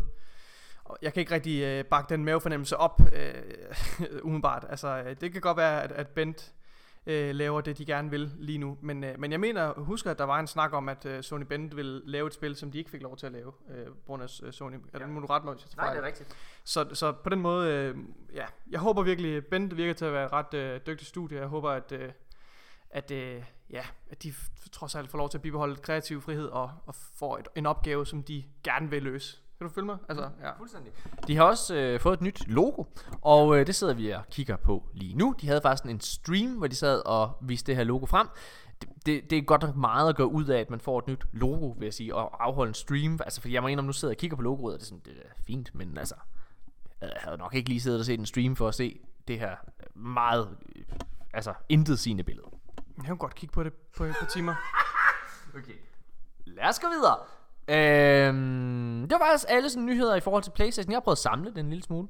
Øh, nu kan vi gå videre. Det lykkes meget godt med. Ja, tak. Øh, nu er øh, der er kommet en trailer øh, her under Summer Game Fest til øh, den første. Jeg er ret sikker på, at der er en anden serie, der også bliver øh, arbejdet på i Cyberpunk 2077-universet. Men der kommer den nye øh, serie, der hedder Edge Runners. Cyberpunk Edge Runners. Det er en ny animeret øh, serie for voksne, øh, som kommer på Netflix. Nikolaj, har du set traileren? Jeg har set traileren. Øhm, ja. jeg er ikke umiddelbart... Øh, jeg er ikke umiddelbart særlig tændt på det her. Jeg synes, at øh, altså det igen, øh, animationsstilen tiltaler mig ikke særlig meget. Nej. Det, altså, men igen, jeg, jeg er fandme farvet. Jeg ved, jeg ved det godt. Altså, det, det, det er den her... øh, Altså, det hedder ikke, det hedder ikke, hedder det manga? Det ved jeg ikke om det. Det er ikke manga det her vel, men det, det ligner det lidt, ikke også? Det er lidt sådan, det er sådan manga inspireret. manga inspireret animationsstil måske. Altså, og så er det bare sådan Jeg ekstremt. tror, oh, manga, undskyld, nu sidder der helt sikkert nogle øh, hardcore... undskyld mig, manga, det er altså tegneserieformen, der hedder manga. Det er anime, det er det, det hedder. Det er anime-inspireret. Ja, ja, anime inspireret er nok mere, mere korrekt. Ja, igen, det er igen korrekt. jeg, jeg ved ikke en skid. Altså. Nej, nej. Men, Men- men, prøv at høre, jeg synes, det, det er ekstremt uh, gory og så videre. Um, jeg var bange for, at uh, den her serie uh, giver mig ikke rigtig indtryk af, at den har det, som jeg synes, der gør Cyberpunk interessant Og jeg har det overhovedet. Det her, det virker bare som sådan rendykket Cyberpunk, hvis det giver mening. Altså, um, ja, den, den solgte mig ikke rigtig på, på du ved, uh, engaging narrative og karakterer, man bliver investeret i. Altså, i sidste ende er det det, der gør, gjorde Cyberpunk til et fantastisk spil. Øh, det er øh, de her karaktererne, man danner en relation til. Men øh, der er en anden spil øh, franchise, der også får en Netflix animeret Netflix-serie, ja. og det er Dragon Age. Den hedder serien hedder Dragon Age Absolution. Og øh, den her, det er også sådan en, en anime-inspireret øh, animationsstil, som, øh, som det har. Og altså, det siger mig nulleren fis, må jeg bare sige. Det- Altså, som, som, som fan, altså jeg sidder hele tiden og kigger, hvor er heksen? Morrigan, som man kunne knippe i det første spil, det er hende, jeg gerne vil se. Jeg vil gerne se Netflix Dragon Age serien, der hedder The Quest to Fuck Morrigan One More Time. Ja, det har nok været et lidt mere øh, øh, fristende bud end det her. Jeg synes, det er, Se den på Pornhub. der, er, der er ingen, der har bedt om det her. Altså, hvad, hvad fuck er det for noget? Nej, men det der er smart, vil jeg bare lige sige. Det der jo er mega, mega smart. Og, og Netflix er jo gået all in på, øh, på at lave, øh, hvad hedder det, animationsserie ud fra, øh, fra, fra computerspil. For det første, så er der allerede et dedikeret publikum fra starten af. Men det der også er, det er, at når der er nogen, der sidder og ser den her serie i Dragon Age-universet eller Cyberpunk-universet, så bliver de også tændt på at spille det en gang til. Pokémon er et klasse eksempel på, hvordan man gør det. Altså det er, den, det er jo igen, hvad hedder det her med connect, øh, hvad hedder det, hvor, hvor, hvor man både, hvad hedder det, transmedia er det, det hedder? Ja, det, ved, ja. ja, det gør det. Ja, øh, hvor man sidder og har, øh, øh, altså det er på tværs, altså. Og Netflix ja, er ligesom, Det er jo det nye sort, kan man det er sige. ny sort. Og Netflix er gået all in på det her, fordi der er, altså bare, der er fire serier, jeg lige kan huske sådan, uh, from the top of my mind. Og det er uh, altså Dragon Age Origins, Absolution, så er det Cyberpunk Edge Runners, så har der også den her Tekken-serie, som kommer snart. Øhm, den har vi da snakket om, det så faktisk meget fedt. Og så er der, øh, hvad hedder det, Cuphead, som jo også er et kæmpe hit. Altså, og Cuphead, Øh. Det giver jo mening. Jeg gør det ikke det, fordi det spillet ligner jo også lidt en animation. jo, men, men, men det har jo været et kæmpe hit. Og så kommer der jo den her, øh, hvad hedder det, nye Horizon-serie også på Netflix. Øh, Så altså, det, det, det giver jo det giver max mening. Der er faktisk en nyhed, jeg ikke lige tog med. Men det er kommet frem, hvornår den her, den ligesom skulle... Altså, øh, den her Horizon øh, Forbidden West øh, serie, eller den ligesom skulle foregå. Og den skulle foregå før det første spil. Altså tidslinjen sådan op til går jeg ud fra. Man kan se, hvordan det hele går galt for menneskeheden. Det synes jeg da alligevel sådan, det lyder da meget spændende. Og det kan måske også være, at det kommer til at, at hjælpe lidt på, på budgetomkostningerne, fordi jeg er meget nervøs for det spil. Eller undskyld for den serie. Jeg er simpelthen ikke øh, særlig tændt på det, øh, må jeg indrømme. Men, øh, men igen, vi har jo også taget fejl før med, med Arcane jo, så altså... Yep. Who knows? Altså, jeg, havde, jeg kunne ikke forestille mig, at Arcanes... Øh, at uh, League of Legends uh, univers kunne bære sådan en fantastisk historie. Uh, men, øh, men igen, jeg vidste jo heller ikke så meget om League of Legends. Men det viste sig at være uh, et mesterværk, så ja. Lad os gå videre. Dying Light, det får simpelthen sin aller sidste DLC. Øhm, og øh, Dying Light, The Definitive Edition, øh, får ligesom sådan en grand finale, øh, der inkluderer 26 små DLC'er. Og øh, spillet stopper, eller stopper nu med at få support. Det er blevet støttet i syv år, hvor altså, øh, hvad er det, de hedder? Øh, hvad hedder det? Hvad hedder det studie der, der laver? Ej, ej, det hedder, hvad fuck hedder det? Ej, Techland. Techland hedder det. Øh, Techland har støttet det ret meget de sidste syv år, så der er hele tiden kommet opdateringer til. Ja. Altså her for lige da toeren udkom, lige da toeren udkom, kom der også en next gen upgrade til det spil. Altså så de har været ret gode til at understøtte det. Og nu har de simpelthen ude at sige, øh, Techland, at nu kommer de til at fokusere på Dying Light 2 de næste syv år. Og jeg må bare sige, Det er godt. Gode nyheder for, altså generelt. Det, Det- virker, det virker som om, de er virkelig gode til at understøtte deres spil. Øh, og, Ja, og altså, jeg må faktisk indrømme, jeg har da lyst til at, faktisk at spille det her, det første Dying Light. Mm. Øh, jeg har også lyst til at spille toren. Jeg tror bare ikke, jeg tør. Jeg er bare lidt bange. Er du er det. Men du er ikke bange for, altså, hvad hedder det? Jeg er også bange. Callisto Protocol? Jo, men det er bare, det ved jeg ikke. Jeg, det, det giver ingen mening. Men du skal passe på mig, Nikolaj. Eller Scorn? Nej, men det tør jeg heller ikke spille. Du skal Nej. passe på mig. Ja. Hvis vi kan sidde og spille det sammen, så kan du sidde, så styrer jeg controlleren, og så hver gang jeg bliver lidt bange, så kan du holde mig for øjnene, og så lige give mig en lille knus, så hold mig tæt ind til dig, Nikolaj. Okay, det er jo godt. Noget. Hold mig rigtig. Hold godt fast. Det bliver dyrt, men... Uh... Du kan sove op i mig, Tanjas seng. I nat. Ah. Så, laver, så smider vi Tanja ud, Nikolaj. Skal vi gøre det? Så, så når Tanja hun vågner, så ligger hun nede på gulvet. Tænker, hvad fanden laver jeg her? Så tager hun hovedet op og kigger i sengen. Så er det bare dig og mig, der ligger. Det lyder, Så ligger vi bare holder op hinanden. det lyder rigtig spændende, Morten. Så ligger jeg. Men, uh, Jeg jeg kommer ligger- i tanke om, at uh, jeg skal hjem nu. Hvordan kommer du hjem, Nikolaj? Fordi du er ude med mig. hjem. Nej, Nej, det vil jeg så går jeg bare. Det er fint. Okay, Vi, øh, jeg går du ses. herud på landet. Vil Yes. du bare gå? Ja, Ja. okay. Uh, Freja, hun ringer. Har der nogen, der har set Nikolaj? Jeg har ikke set ham i noget tid. Og så kan man høre Nikolaj råbe bagved. Ja, jeg er...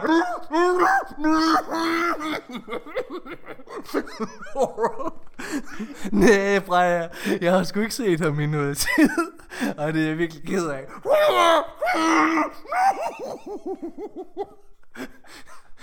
Vi ses, Freja. Dut, dut, dut. Hvor mange, hvor mange gange har jeg sagt, at du skal holde din kæft, Nikolaj? nu ligger du der bare op i den seng, og ligger vi og putter igen. Og så visker du i mit øre, at du elsker mig. Jeg elsker dig. Og så støder jeg til. Det er... Meget i næste måned. Altså, det er jo, altså, Dying Light, dit, dit lys, det dør ud. Det er, ja, det er mit håb, der dør langsomt. Nå, Nikolaj, lad os øh, fortsætte. Jeg, jeg, jeg går lidt længere ned her. Stalker 2, som jo er udviklet af øh, det her studie, der er baseret i Ukraine. Det er baseret i Kiev. Det, spillet har genoptaget udviklingen, men øh, der har selvfølgelig stået stille lidt tid på grund af krigen dernede. Øh, og vi har, jo, vi har jo alle sammen spekuleret i, hey, Stalker 2, må ikke den blive udskudt? Jo, det er den faktisk lige officielt blevet, men lidt stille. Det var sådan i en, øh, hvad hedder det, det var i forbindelse med det her Xbox Game Show her. Der blev den faktisk sådan lidt listet ind. Øh, listet ud i sådan et billede øh, til allersidst, hvor der står, hvornår spillene udkommer. Og der, står, der kan man se sådan, hvilke spil, der kommer i 2022, og hvilke spil, der kommer i 2023. Og der står Stalker 2 altså. Øh, det er faktisk meget, altså jeg må faktisk indrømme, okay, lige da jeg sad og så, nu er det også alle spil, der er her, ikke? Men alle de her spil, der kommer til Xbox, der er faktisk ret mange bangers, der kommer i 2022. Må jeg bare lige sige nogle bangers, der kommer?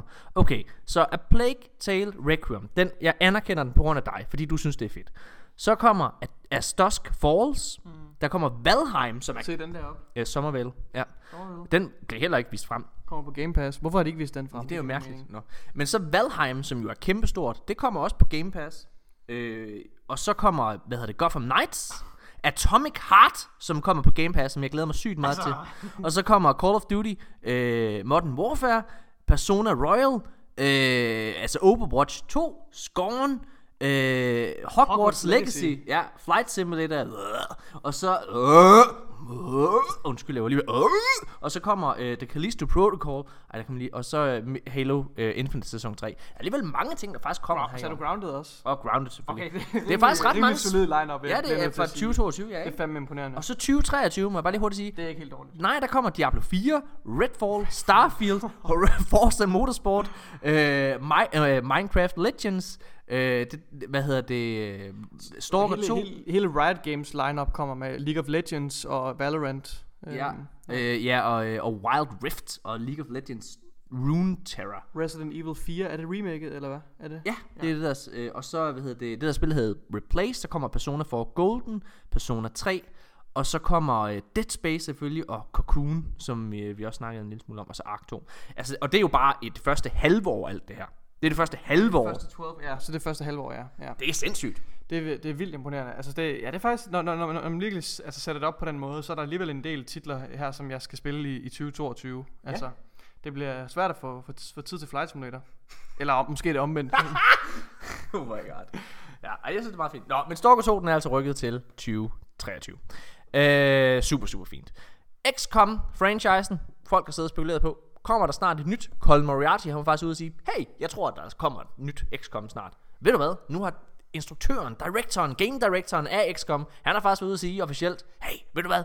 Den her franchise, den her serie, den vil vende tilbage. Mm-hmm. Så fans af det spil, hyg jer med det. Jeg er ikke fan.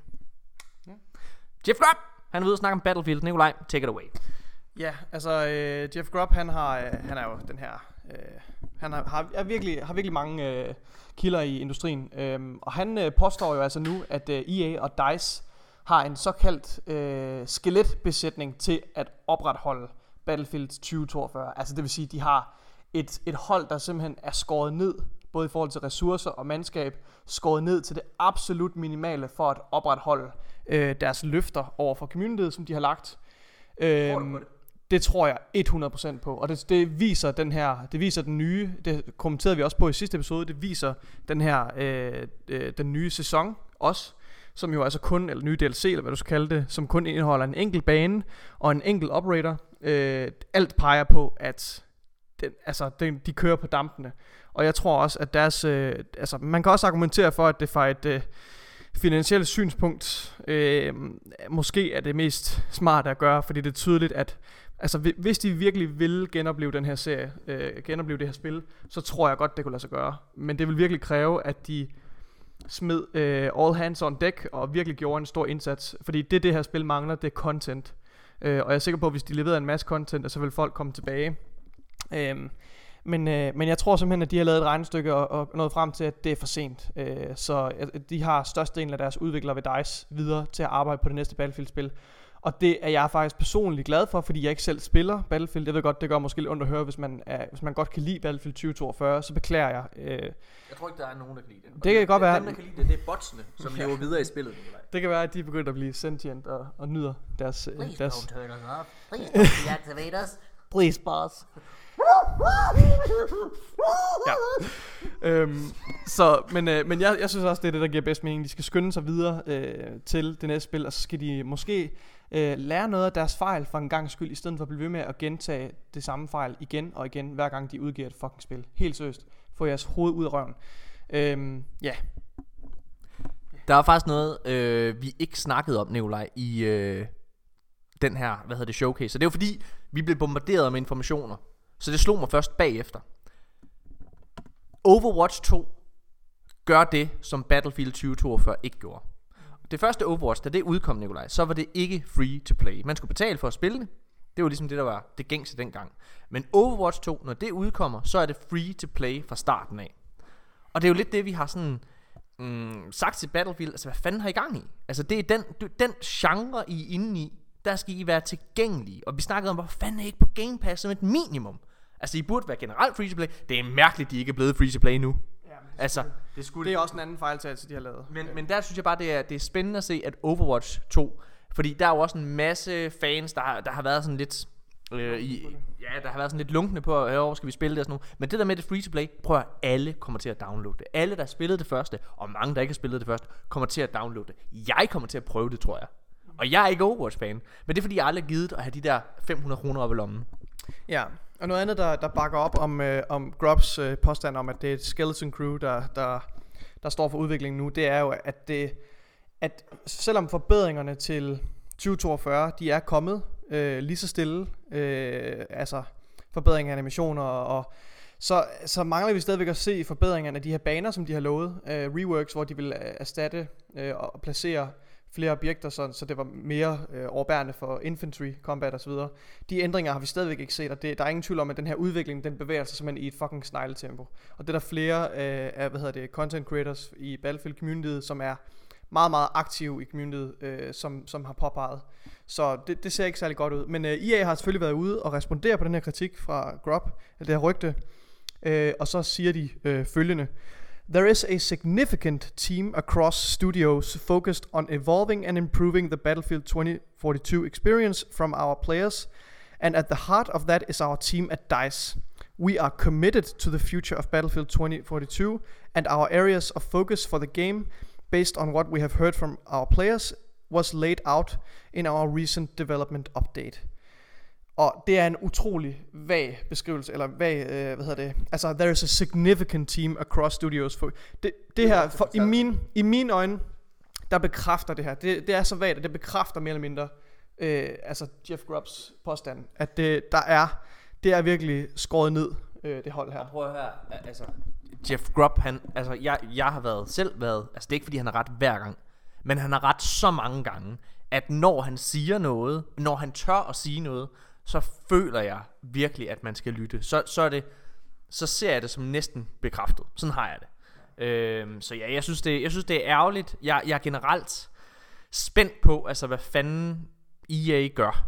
Altså det er, det, det, de, det er ærgerligt, fordi de ender med at have en masse gode spil. Battlefield 5 var vi jo begge to enige om. Det var da et fint spil. Battlefield er et frem, Battlefield, Battlefield fremragende Blev spil. et fint spil. Ja, det blev et fremragende spil. Jeg, jeg, jeg, kom, jeg nåede først til det, startede først på det, da, da, da det var blevet fikset efter den katastrofale launch. Men i mine øjne er det det bedste Battlefield-spil, der er blevet lavet. Altså, men, nu. og det ved jeg godt, der er ikke så mange, der er enige. Der er mange, der også stadigvæk tænker meget nostalgisk på Battlefield 4 og 3 osv. Men jeg synes bare, at Battlefield 5 var virkelig en, en fed øh, oplevelse, og det har også fået en kæmpe renaissance nu. Altså folk, folk, folk spiller ikke engang øh, Men- særlig meget det her, hvad, hvad, nu har jeg glemt, hvad det hedder, det her Battlefield Portal, som de havde udviklet. Det, det er ikke engang særlig populært. Det der virkelig... Hvem sagde forresten, at det ville blive en stinker? Hvem sagde, at Battlefield Portal ikke ville blive det, det folk troede, det skulle være? Jeg kan ikke huske, hvem du øh, hentede til. Morten Ur! Men øh, Battlefield 5 har virkelig fået en renaissance nu. Men må jeg bare sige noget? Det, det der, fordi det er nemlig rigtigt, det har fået en renaissance. Men det har øh, Battlefront 2, deres Star Wars spil, det har også fået en renaissance. Det er blevet et godt spil. Det er blevet rigtig godt. Men det er efter en katastrofal launch. En, altså hvor det er, at, at, at EA har været for hurtigt ude, de har været for aggressive med microtransactions osv., og det har efterladt en stank. Så når jeg er, at vi begge to siger, at det har fået en renaissance, så har det det.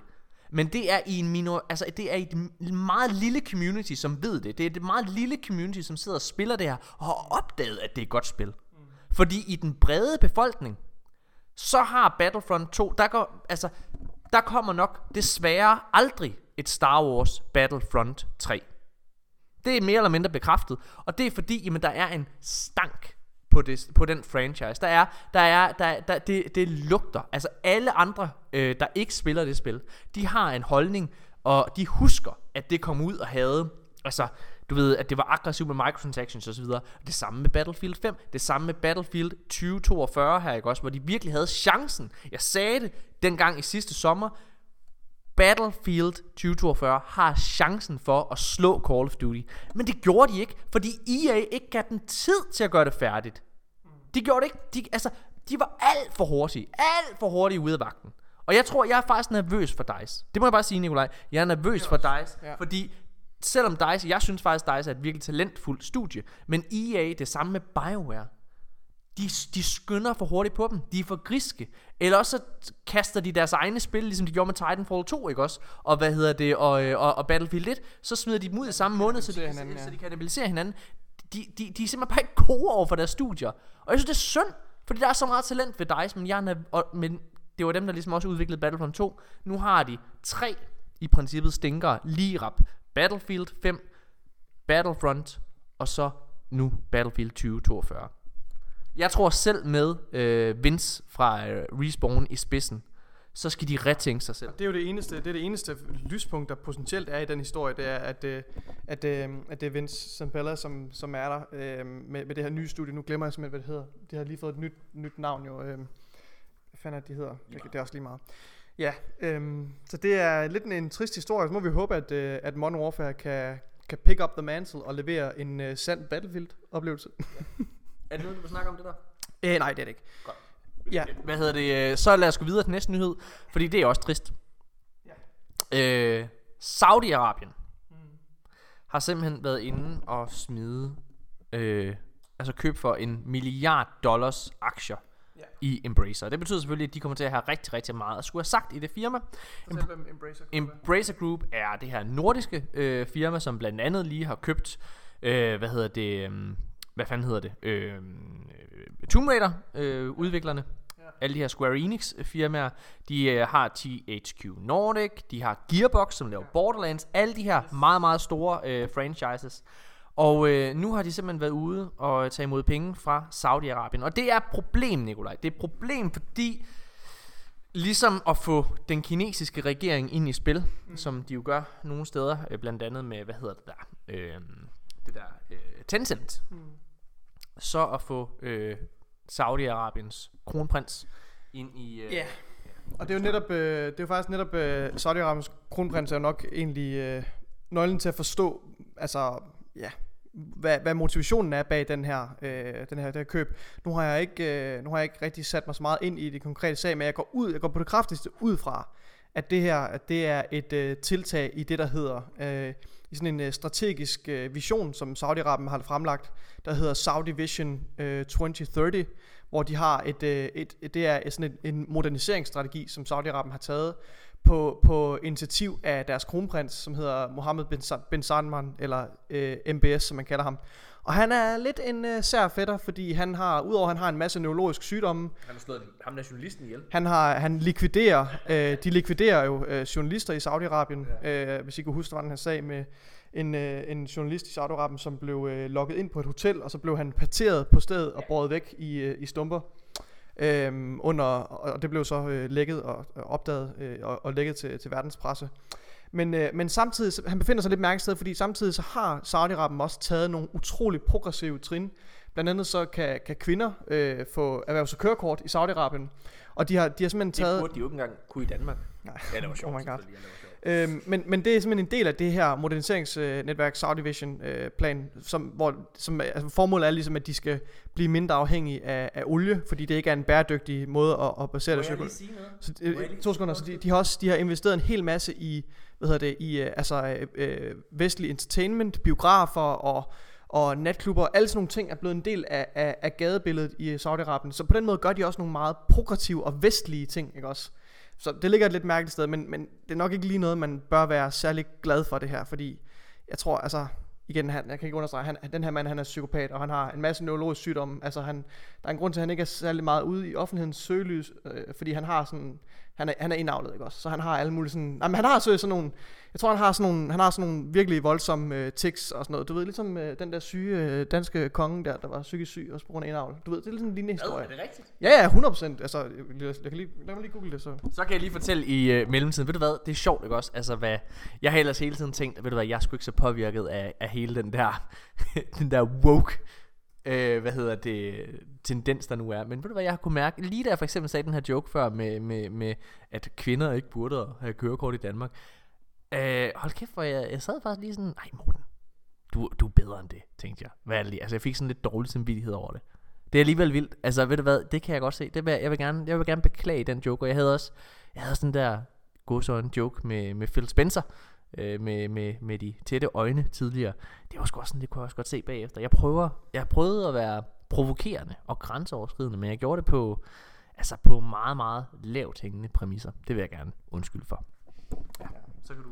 Altså jeg har bare fået flere kilder, hvor der står, at han har, han har også han har, han lider af epilepsi og har, har øh, flere øh, hvad hedder det, mentale sygdomme angiveligt. Øh, ja. Altså den saudiarabiske Den saudiarabiske kronprins. Jeg ved ikke, hvor relevant det er for historien. Andet, men ja, Okay. det er skidt. Var det ikke den danske konge, du var ved at finde? jo, nå, ja, ja, det, Nå, ja, ja, ja, ja. det var der også noget om. Okay. Nå, men det er i hvert fald trist. Altså, det, det synes jeg er skidt, at vi begynder at, øh, at, at gå ind i det. Øh, altså, det burde vi se os bedre end her i, i, i, i, i Skandinavien. Nikolaj, lad os gå videre til nogle af de sidste nyheder for den her uge. Vi skal snakke lidt om øh, kring Xbox, fordi der har nemlig været nogle ret store nyheder øh, inden for Microsoft Xbox.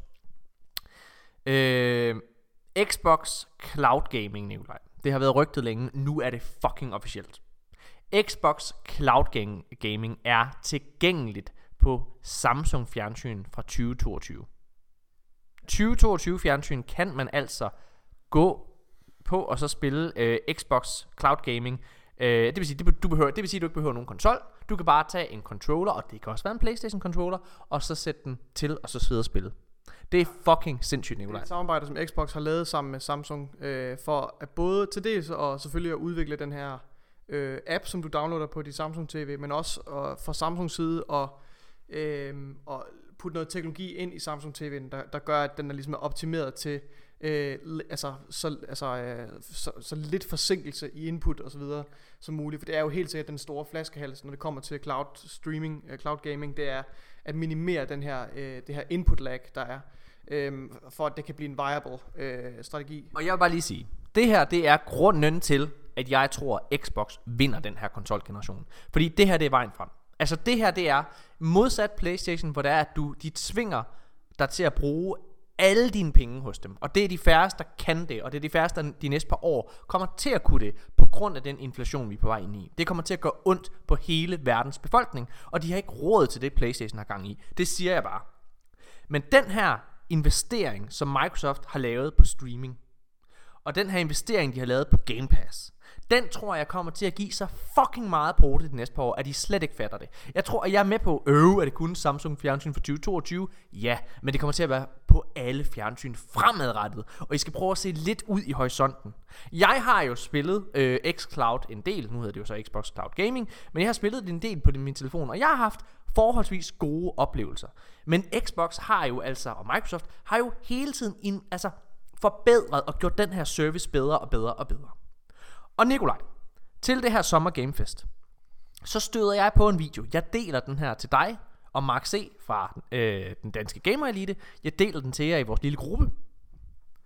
Og øh, det er en video fra IGN, hvor Destin Legary, øh, der er journalist, han er til det her event. Og øh, han siger det som det er, prøv at han har ikke booket, du ved, han har ikke booket en fremvisning hos Samsung. Han fortæller i en øh, video, han lavede på YouTube, at det der sker, det er, at han, øh, han, han, han er derude til det her event, og så er der en fra det her Samsung, øh, deres, ja, de, de her Samsung fjernsyn, som genkender Destin fra IGN Unlocked, altså deres Xbox podcast på IGN. Og øh, det der sker, det er så, at han kommer hen, spørger, må jeg godt filme det her? Altså, han skal se det her nye øh, Samsung X-Cloud. Og han får lov til at filme det. Og vi sidder og ser hans direkte reaktioner på det. Og, og vi sidder og ser, at han har controlleren foran sig. Nikolaj, vil du prøve at fortælle, hvad du ser? Ja, altså han, øh, de hopper ind i øh, altså helt Halo Infinite seamlessly, de, hop, de hopper, hopper ind i Halo Infinite kampagnen først og spiller noget der. Øh, og jeg, jeg føler i hvert fald, at et, øh, et first person shooter spil er en type spil, et type spil, der meget, meget hurtigt røber, hvis der er en, øh, en, altså en input forsinkelse. Øhm, så, hvad hedder det, og, og, og umiddelbart ser det ud som om, at det her gameplay er virkelig øh, smooth og, og fluent i hvert fald. Altså, øhm, øh, hvad jeg kan se på skærmen, og, og det som Destin Legary beskriver, mens han spiller, det er også, at det, det, at det fungerer virkelig, virkelig godt. Og han, han siger også på et tidspunkt, at han lagde ikke rigtig mærke til, at, at han ikke spillede på en Series X. Det, han siger ligesom at spille på en Series X derhjemme. Øh, og selvom jeg har svært ved at tro, jeg tror ikke, jeg tror, tror selvfølgelig, der er en væsentlig, eller jeg tror selvfølgelig, der er en mærkbar forskel. Det tror jeg er uundgåeligt. Men, men, men, men hvis det er noget, man kan vende sig til, Og, men, men det handler også om, at det er et entry point. Det er et Ja. ja. meget, meget let entry point meget for let, mange altså, for nye ja. spillere. Ja, lige præcis. Du behøver ikke engang investere i en Xbox-konsol. I princippet kunne du, hvis du ejer et Samsung TV efter 2022, eller ikke i princippet, det kan du i reelt, altså, ja. så kan du downloade den her Xbox-app, og så kan du gå ind og, og abonnere på, øh, på, hvad hedder det, på, hvad hedder det, Game Pass Ultimate, og så kan du spille alle de her titler øh, på cloud streaming, endda dem, der ikke er på Game Pass. Ja. Altså kan du i princippet, hvis du, har købt i hvert fald bestemte titler. Øh, altså det er simpelthen revolutionerende. Og, og mit indtryk er, baseret på det her øh, gameplay, som han viser, at, at med den teknologi der, der føler jeg, at Xbox Cloud Gaming er et sted, hvor, hvor jeg synes, det er godt nok til, at jeg selv kunne finde på at, at bruge det. Kan du følge mig? Ja. Altså, øh, så jeg synes, det var, jeg synes, det er utrolig imponerende. Og igen det her med at fjerne barriererne for at lukke nye spillere ind øh, og opleve alle de her fantastiske titler og blive en del af Xbox økosystem. Det er, det er fantastisk. Og altså Destiny Gary, han har jo, altså der er den her video, som sagt, som er på IGN, øh, hvad hedder det, hvor man kan se og høre, at han er begejstret. Men han har så lavet den her video på YouTube. Øh, den hedder All uh, the Xbox Showcase Teases and Rumors, hvor han sidder sådan og snakker omkring det. Nikolaj han var ind på det nu. Hvad hedder det, der begynder han på et tidspunkt i den her video og snakker omkring det her, hvor han bare sådan helt blown away, siger han, altså over hvor vildt det her det kører. Øh, det er sådan sidst i, uh, i videoen, der tror jeg, et eller andet sted. Der, øh, der, Øhm, hvad hedder, der sidder han og, og, og snakker om det. Han, er sådan, han siger, at han er sådan helt blown away over, over, omkring det her. Øh, og han siger, at han har aldrig været tændt på øh, altså streaming. Men han må tage ordene i sig igen. Prøv at høre her. Det her, jeg tror om to-tre år, og det er jo det, det her det er en investering. Det er også der, jeg prøver, det er på nye fjernsyn. Det, der skal noget til, men jeg tror virkelig, at det her det er vejen frem. Jeg tror, at Xbox kommer til at, ja, det tror jeg virkelig kommer til at vinde på det her. Jeg tror, de kommer til at vinde altså terræn. Og det er jo det, de er fucking ligeglade med, hvor du spiller hen. De er ligeglade med, om du spiller deres spil på PC. De er ligeglade med, om du spiller på din telefon, eller på dit fjernsyn, eller om du har investeret i en Xbox Series S eller en X. Det eneste, der betyder noget for Microsoft, det er, at du er kunden hos dem. Det er det eneste, der betyder noget. Og det tror jeg, der er mange, der ikke helt forstår, fordi der er nogle konsolpurister, vi er også selv konsolpurister, hvad hedder det, som, som, som jeg ikke helt tror fanger det. Mm. Ja. Øhm, Xbox Cloud Gaming, det er også kommet frem, de lader dig simpelthen streame spil, du ejer, også selvom de ikke er på Game Pass. Det vil ja, sige... Det var det, jeg hentede, Nå, det var det, det, var det, jeg hentede til, til før. Okay. Ja. Ja. Øh, og det betyder simpelthen, at hvis, hvis du for eksempel har købt et spil, øh, ja, så, så, så kan du spille det på xCloud. Altså det, det synes jeg også er ret sindssygt. Altså, ja, det ved jeg ikke, hvorfor ja, jeg synes, men jamen, det synes jo, jeg bare, det er. Jo, men det kom, altså, det kom bare bag på mig, at, ja. det, var, at det var muligt. Øh, så ja. det synes jeg også er vildt fedt. Så, så, så hvad skal man sige, Xbox Cloud Gaming kataloget er ikke nødvendigvis bare begrænset til de spil, der også er tilgængelige på Game Pass. Og det er jo også ældre titler. Ja, øh, altså, det er fucking Det er sindssygt. Øh, den sidste nyhed for den her uge, der øh, går vi lidt tilbage til øh, Starfield, som jo blev vist frem til den her Xbox Bethesda Showcase, og som både Nikolaj og jeg var meget imponeret over. Øh, Todd Howard, han øh, har sagt tidligere på den her uge, at og det er sådan lidt sjov quote. Øh, dengang jeg læste quotet, synes jeg, det var sjovt. Efter at have set, så forstår jeg godt, hvad han mener. Så Todd Howard, han har været ude og sige, at Bethesda lige nu er ved at lægge sidste hånd på Starfield. Og det er jo en sjov kommentar, når det er, at Starfield formentlig er blevet udskudt med et år, og være i gang med at lægge sidste hånd på noget. Det er jo sådan noget, man siger, hvis spillet udkommer om et par måneder, ikke? Øh, men efter at have set Starfield i dag, og set, hvor fucking stort det er, så forstår jeg godt, ah okay, der er virkelig mange ting, de skal ind, og de skal sikre sig, det er vigtigt for Bethesda og for Xbox, at det her spil ikke kommer ud og have de klassiske i gåsøjne Bethesda box. Det, den, her, den her titel, den skal være polished. Ja. Det skal den simpelthen, fordi det vil, det vil være det vil være det største selvmål, hvis de altså at forpure øh, at forpure den her oplevelse med ja, som du siger, det klassiske Bethesda øhm, ja. Og, og jeg tror jeg, jeg tror virkelig at jeg tror at Todd Howard og Phil Spencer, de har siddet sammen, og så har de spillet det her spil, og så har de set, det er, det er fucking fedt det her, hold kæft for det nice. Der er lige et par af de der boks der, som plejer, som der plejer at være i starten, når et spil kommer ud. Hvad hedder det? Hvad kommer til at have mest, altså bedst effekt for os? Er det, at det her spil kommer ud og fejlfrit, og du ved efter, fordi vi gamer er jo guldfisk. Vi kan kun huske det, vi lige har oplevet, eller det, vi lige har brug for lige nu, ikke? Mm. Øh, hvad hedder det? Altså, hvad har størst konsekvens for Xbox? Er det, at det kommer ud til tiden, som vi har lovet, men har de her boks, eller er det, at spillet kommer ud senere, men så til gengæld er fuldstændig fejlfri? Der, er simpelthen, der tror jeg simpelthen, de har siddet og tænkt, ved du hvad? Vi vinder mere på, at det her spil er perfekt, når det når ud. Mm. Ja, og det, det synes jeg også er den bedste beslutning, selvom øh, det selvfølgelig gør ondt at vente. Men den her fantastiske øh, øh, præsentation, vi fik i dag, har nok øh, hjælper i hvert fald lidt på det. Lige da vi var, inden vi, øh, hvad hedder det, øh, begyndte at optage, øh, vi, vi delte det her op, altså efter vi havde haft reaktionerne på, på, på showcasen, så, øh, hvad hedder det, så gik vi i gang med ligesom at, at, at, at gøre manuset klart, samtale emnerne her til det næste øh, segment, altså det I hører nu. Og imellem det, der gik Nikolaj med det samme i gang med at se øh, det her Starfield, alt det, der var blevet vist frem en gang til Nikolaj. Og du var jo faktisk nærmest endnu mere imponeret anden gang, du så det. Ja, altså jeg, jeg, jeg kan ikke, øh, jeg kan ikke andet end anbefale, altså uanset næsten, altså gå ind og se den her, øh, hele præsentationen i, øh, i al dens øh, fantastiske detalje. Altså det, jeg synes det er, jeg synes, det er sindssygt imponerende. Altså jeg er, jeg er virkelig mindblown. Det er, det er den største sådan øh, wow-oplevelse, jeg har haft med en, en spilannoncering eller sådan noget her i, i E3-sæsonen, øh, som, det jo, som det her jo er. Så det, øh, ja, det er virkelig, virkelig fedt. Nikolaj, her til aller, aller sidst, øh, der vil jeg gerne lige spørge om noget.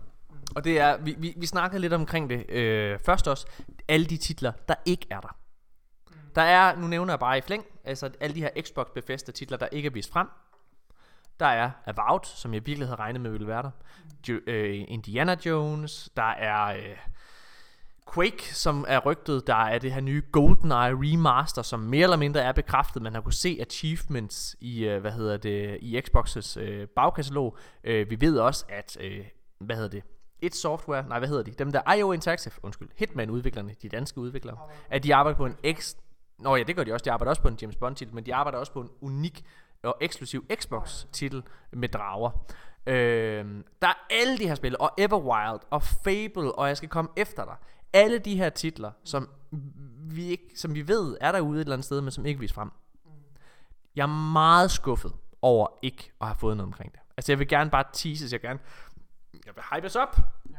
Og hvornår er det, at de scene skal i gang med det? Fordi jeg vil sige, det duer ikke, at det først kommer næste år. Jeg har brug for, nu siger jeg bare noget som Xbox, Ja. Ja, men nu siger jeg noget som Xbox-fan. Jeg synes, det er rigtig fedt at vide, hvad der kommer det næste år. Jeg har brug for at vide, hvad der kommer det næste halve år. Altså bagefter 20, øh, hvad hedder det, altså ja, om et år. Fiscal year, ikke? Altså juni næste år. Det har jeg brug for at vide. Jeg har brug for at vide, hvad der kommer i det sidste halvår af 2023 og beyond. Jeg, jeg har brug for at vide, at der er styr på det. Nu må vi se, hvad de annoncerer den 14. Jeg er ikke særlig optimist. Jeg tror ikke, vi kommer til at se, øh, hvad der kommer efter, desværre. Øhm, og, og, men jeg er enig i alt, hvad du siger. Jeg vil også gerne teases øh, for at, og ligesom at genvinde noget af, af tilliden og, og, hvad kan man sige, til, til de her titler, som vi også har ventet på i lang tid nu. Men, øh, men lidt mere kortsigtet, så savner jeg også lidt, at vi får en bekræftelse, og det ved jeg godt, at på grund af det her handel, der ikke er afsluttet. Jeg savner også lidt, at vi får en bekræftelse af alle de her Blizzard og Activision titler kommer day one på Game Pass, fordi, altså, gør de det? Ja. Kommer, tror du Call of Duty eksempelvis kommer Ja. day one på Game Pass? Ja. Og det regner jeg også med, det, det skal det gøre. Altså det vil, det vil være en fiasko, hvis det ikke Jamen, gjorde. jamen, det der er, det er, at de vil være fuldstændig, altså de vil blive taget som løgnere. Fordi det har Phil Spencer sagt, at det vil ske med alle de firmaer, de købte fremadrettet. Så det, det er jeg overbevist om øh, er tilfældet. Men jeg tror simpelthen, jeg tror ikke, de må gøre det, før den deal er gået igennem. Og det er også derfor, at vi kan se, vi snakkede selv om det i vores reaktioner, det betyder, det, det er meget sigende, at Blizzard er stærkt til stede i den her showcase, i den her Xbox showcase. Øh, fordi de har ikke nogen, altså sådan rigtig tredjepartsspil. Alle kommer enten på øh, altså Game Pass eller, øh, eller er eksklusiv til Xbox i den ene eller den anden måde, på den ene eller den anden måde. Så derfor så er det sigende, at Blizzard er til stede. Ja. Øhm, men ja, altså jeg tror, jeg, jeg vil sige, jeg synes, det snart skal frem. Altså Playstation har også lidt et problem på den her front, hvis jeg skal tage det perspektiv. Øh, fordi øh, vi ved, at Spider-Man kommer næste år, og vi ved, at der er et Wolverine-spil under udvikling. Det er det. ja. Det er det. Altså, så Playstation, de skal også ud her til sommer og vise noget frem. Øhm, ja, og jeg føler faktisk lige nu, der synes jeg, det er ærgerligt, at der ikke er nogen af dem, der rigtig spiller med musklerne. Det vil jeg gerne have, de gør. Så, ja. Nå. Nikolaj, det har været episode øh, 62. Næste episode, den optager vi på mandag. Ja. Og lige nu, der ser det stærkt ud til. Der kan jo altid nå at gå et eller andet galt eller sådan noget der. Men lige nu, hvad er der? Vil du sige det, eller Skal vi ikke sige det? Skal vi lade mig sige det? Betyder det være en overraskelse? Hvorfor kan vi ikke sige det? Jeg siger det. Jeg, nu, Hvad? altså, nu, gør, du- nu hyper du det for snort op. Gør jeg det? Er det ikke? Du godt, nu folk sidder og tænker, oh, hvad, hvad er det for noget? Nej, vi har bare... Vi har, Spencer. Nej! er I klar til at se min store tissemand? Er I klar til det? Ja, er I? Okay. Er I klar? Ah, kommer næste år. Se den næste år, ikke? Er I klar? Den er vildt stor. Den er stor. Vi ses næste år? Ja, okay, ja. Ja, der er stadig en udvikling. Den kan blive større, det ved jeg godt. Så hvis du bare lige, du skal bare lige røre lidt ved den. Ah, det skal, det der skulle brug for, lige brug for et par måneder mere til at blive rigtig stor. Men så kommer den også. Åh, oh, den er stor! Det er min Phil Spencer impression.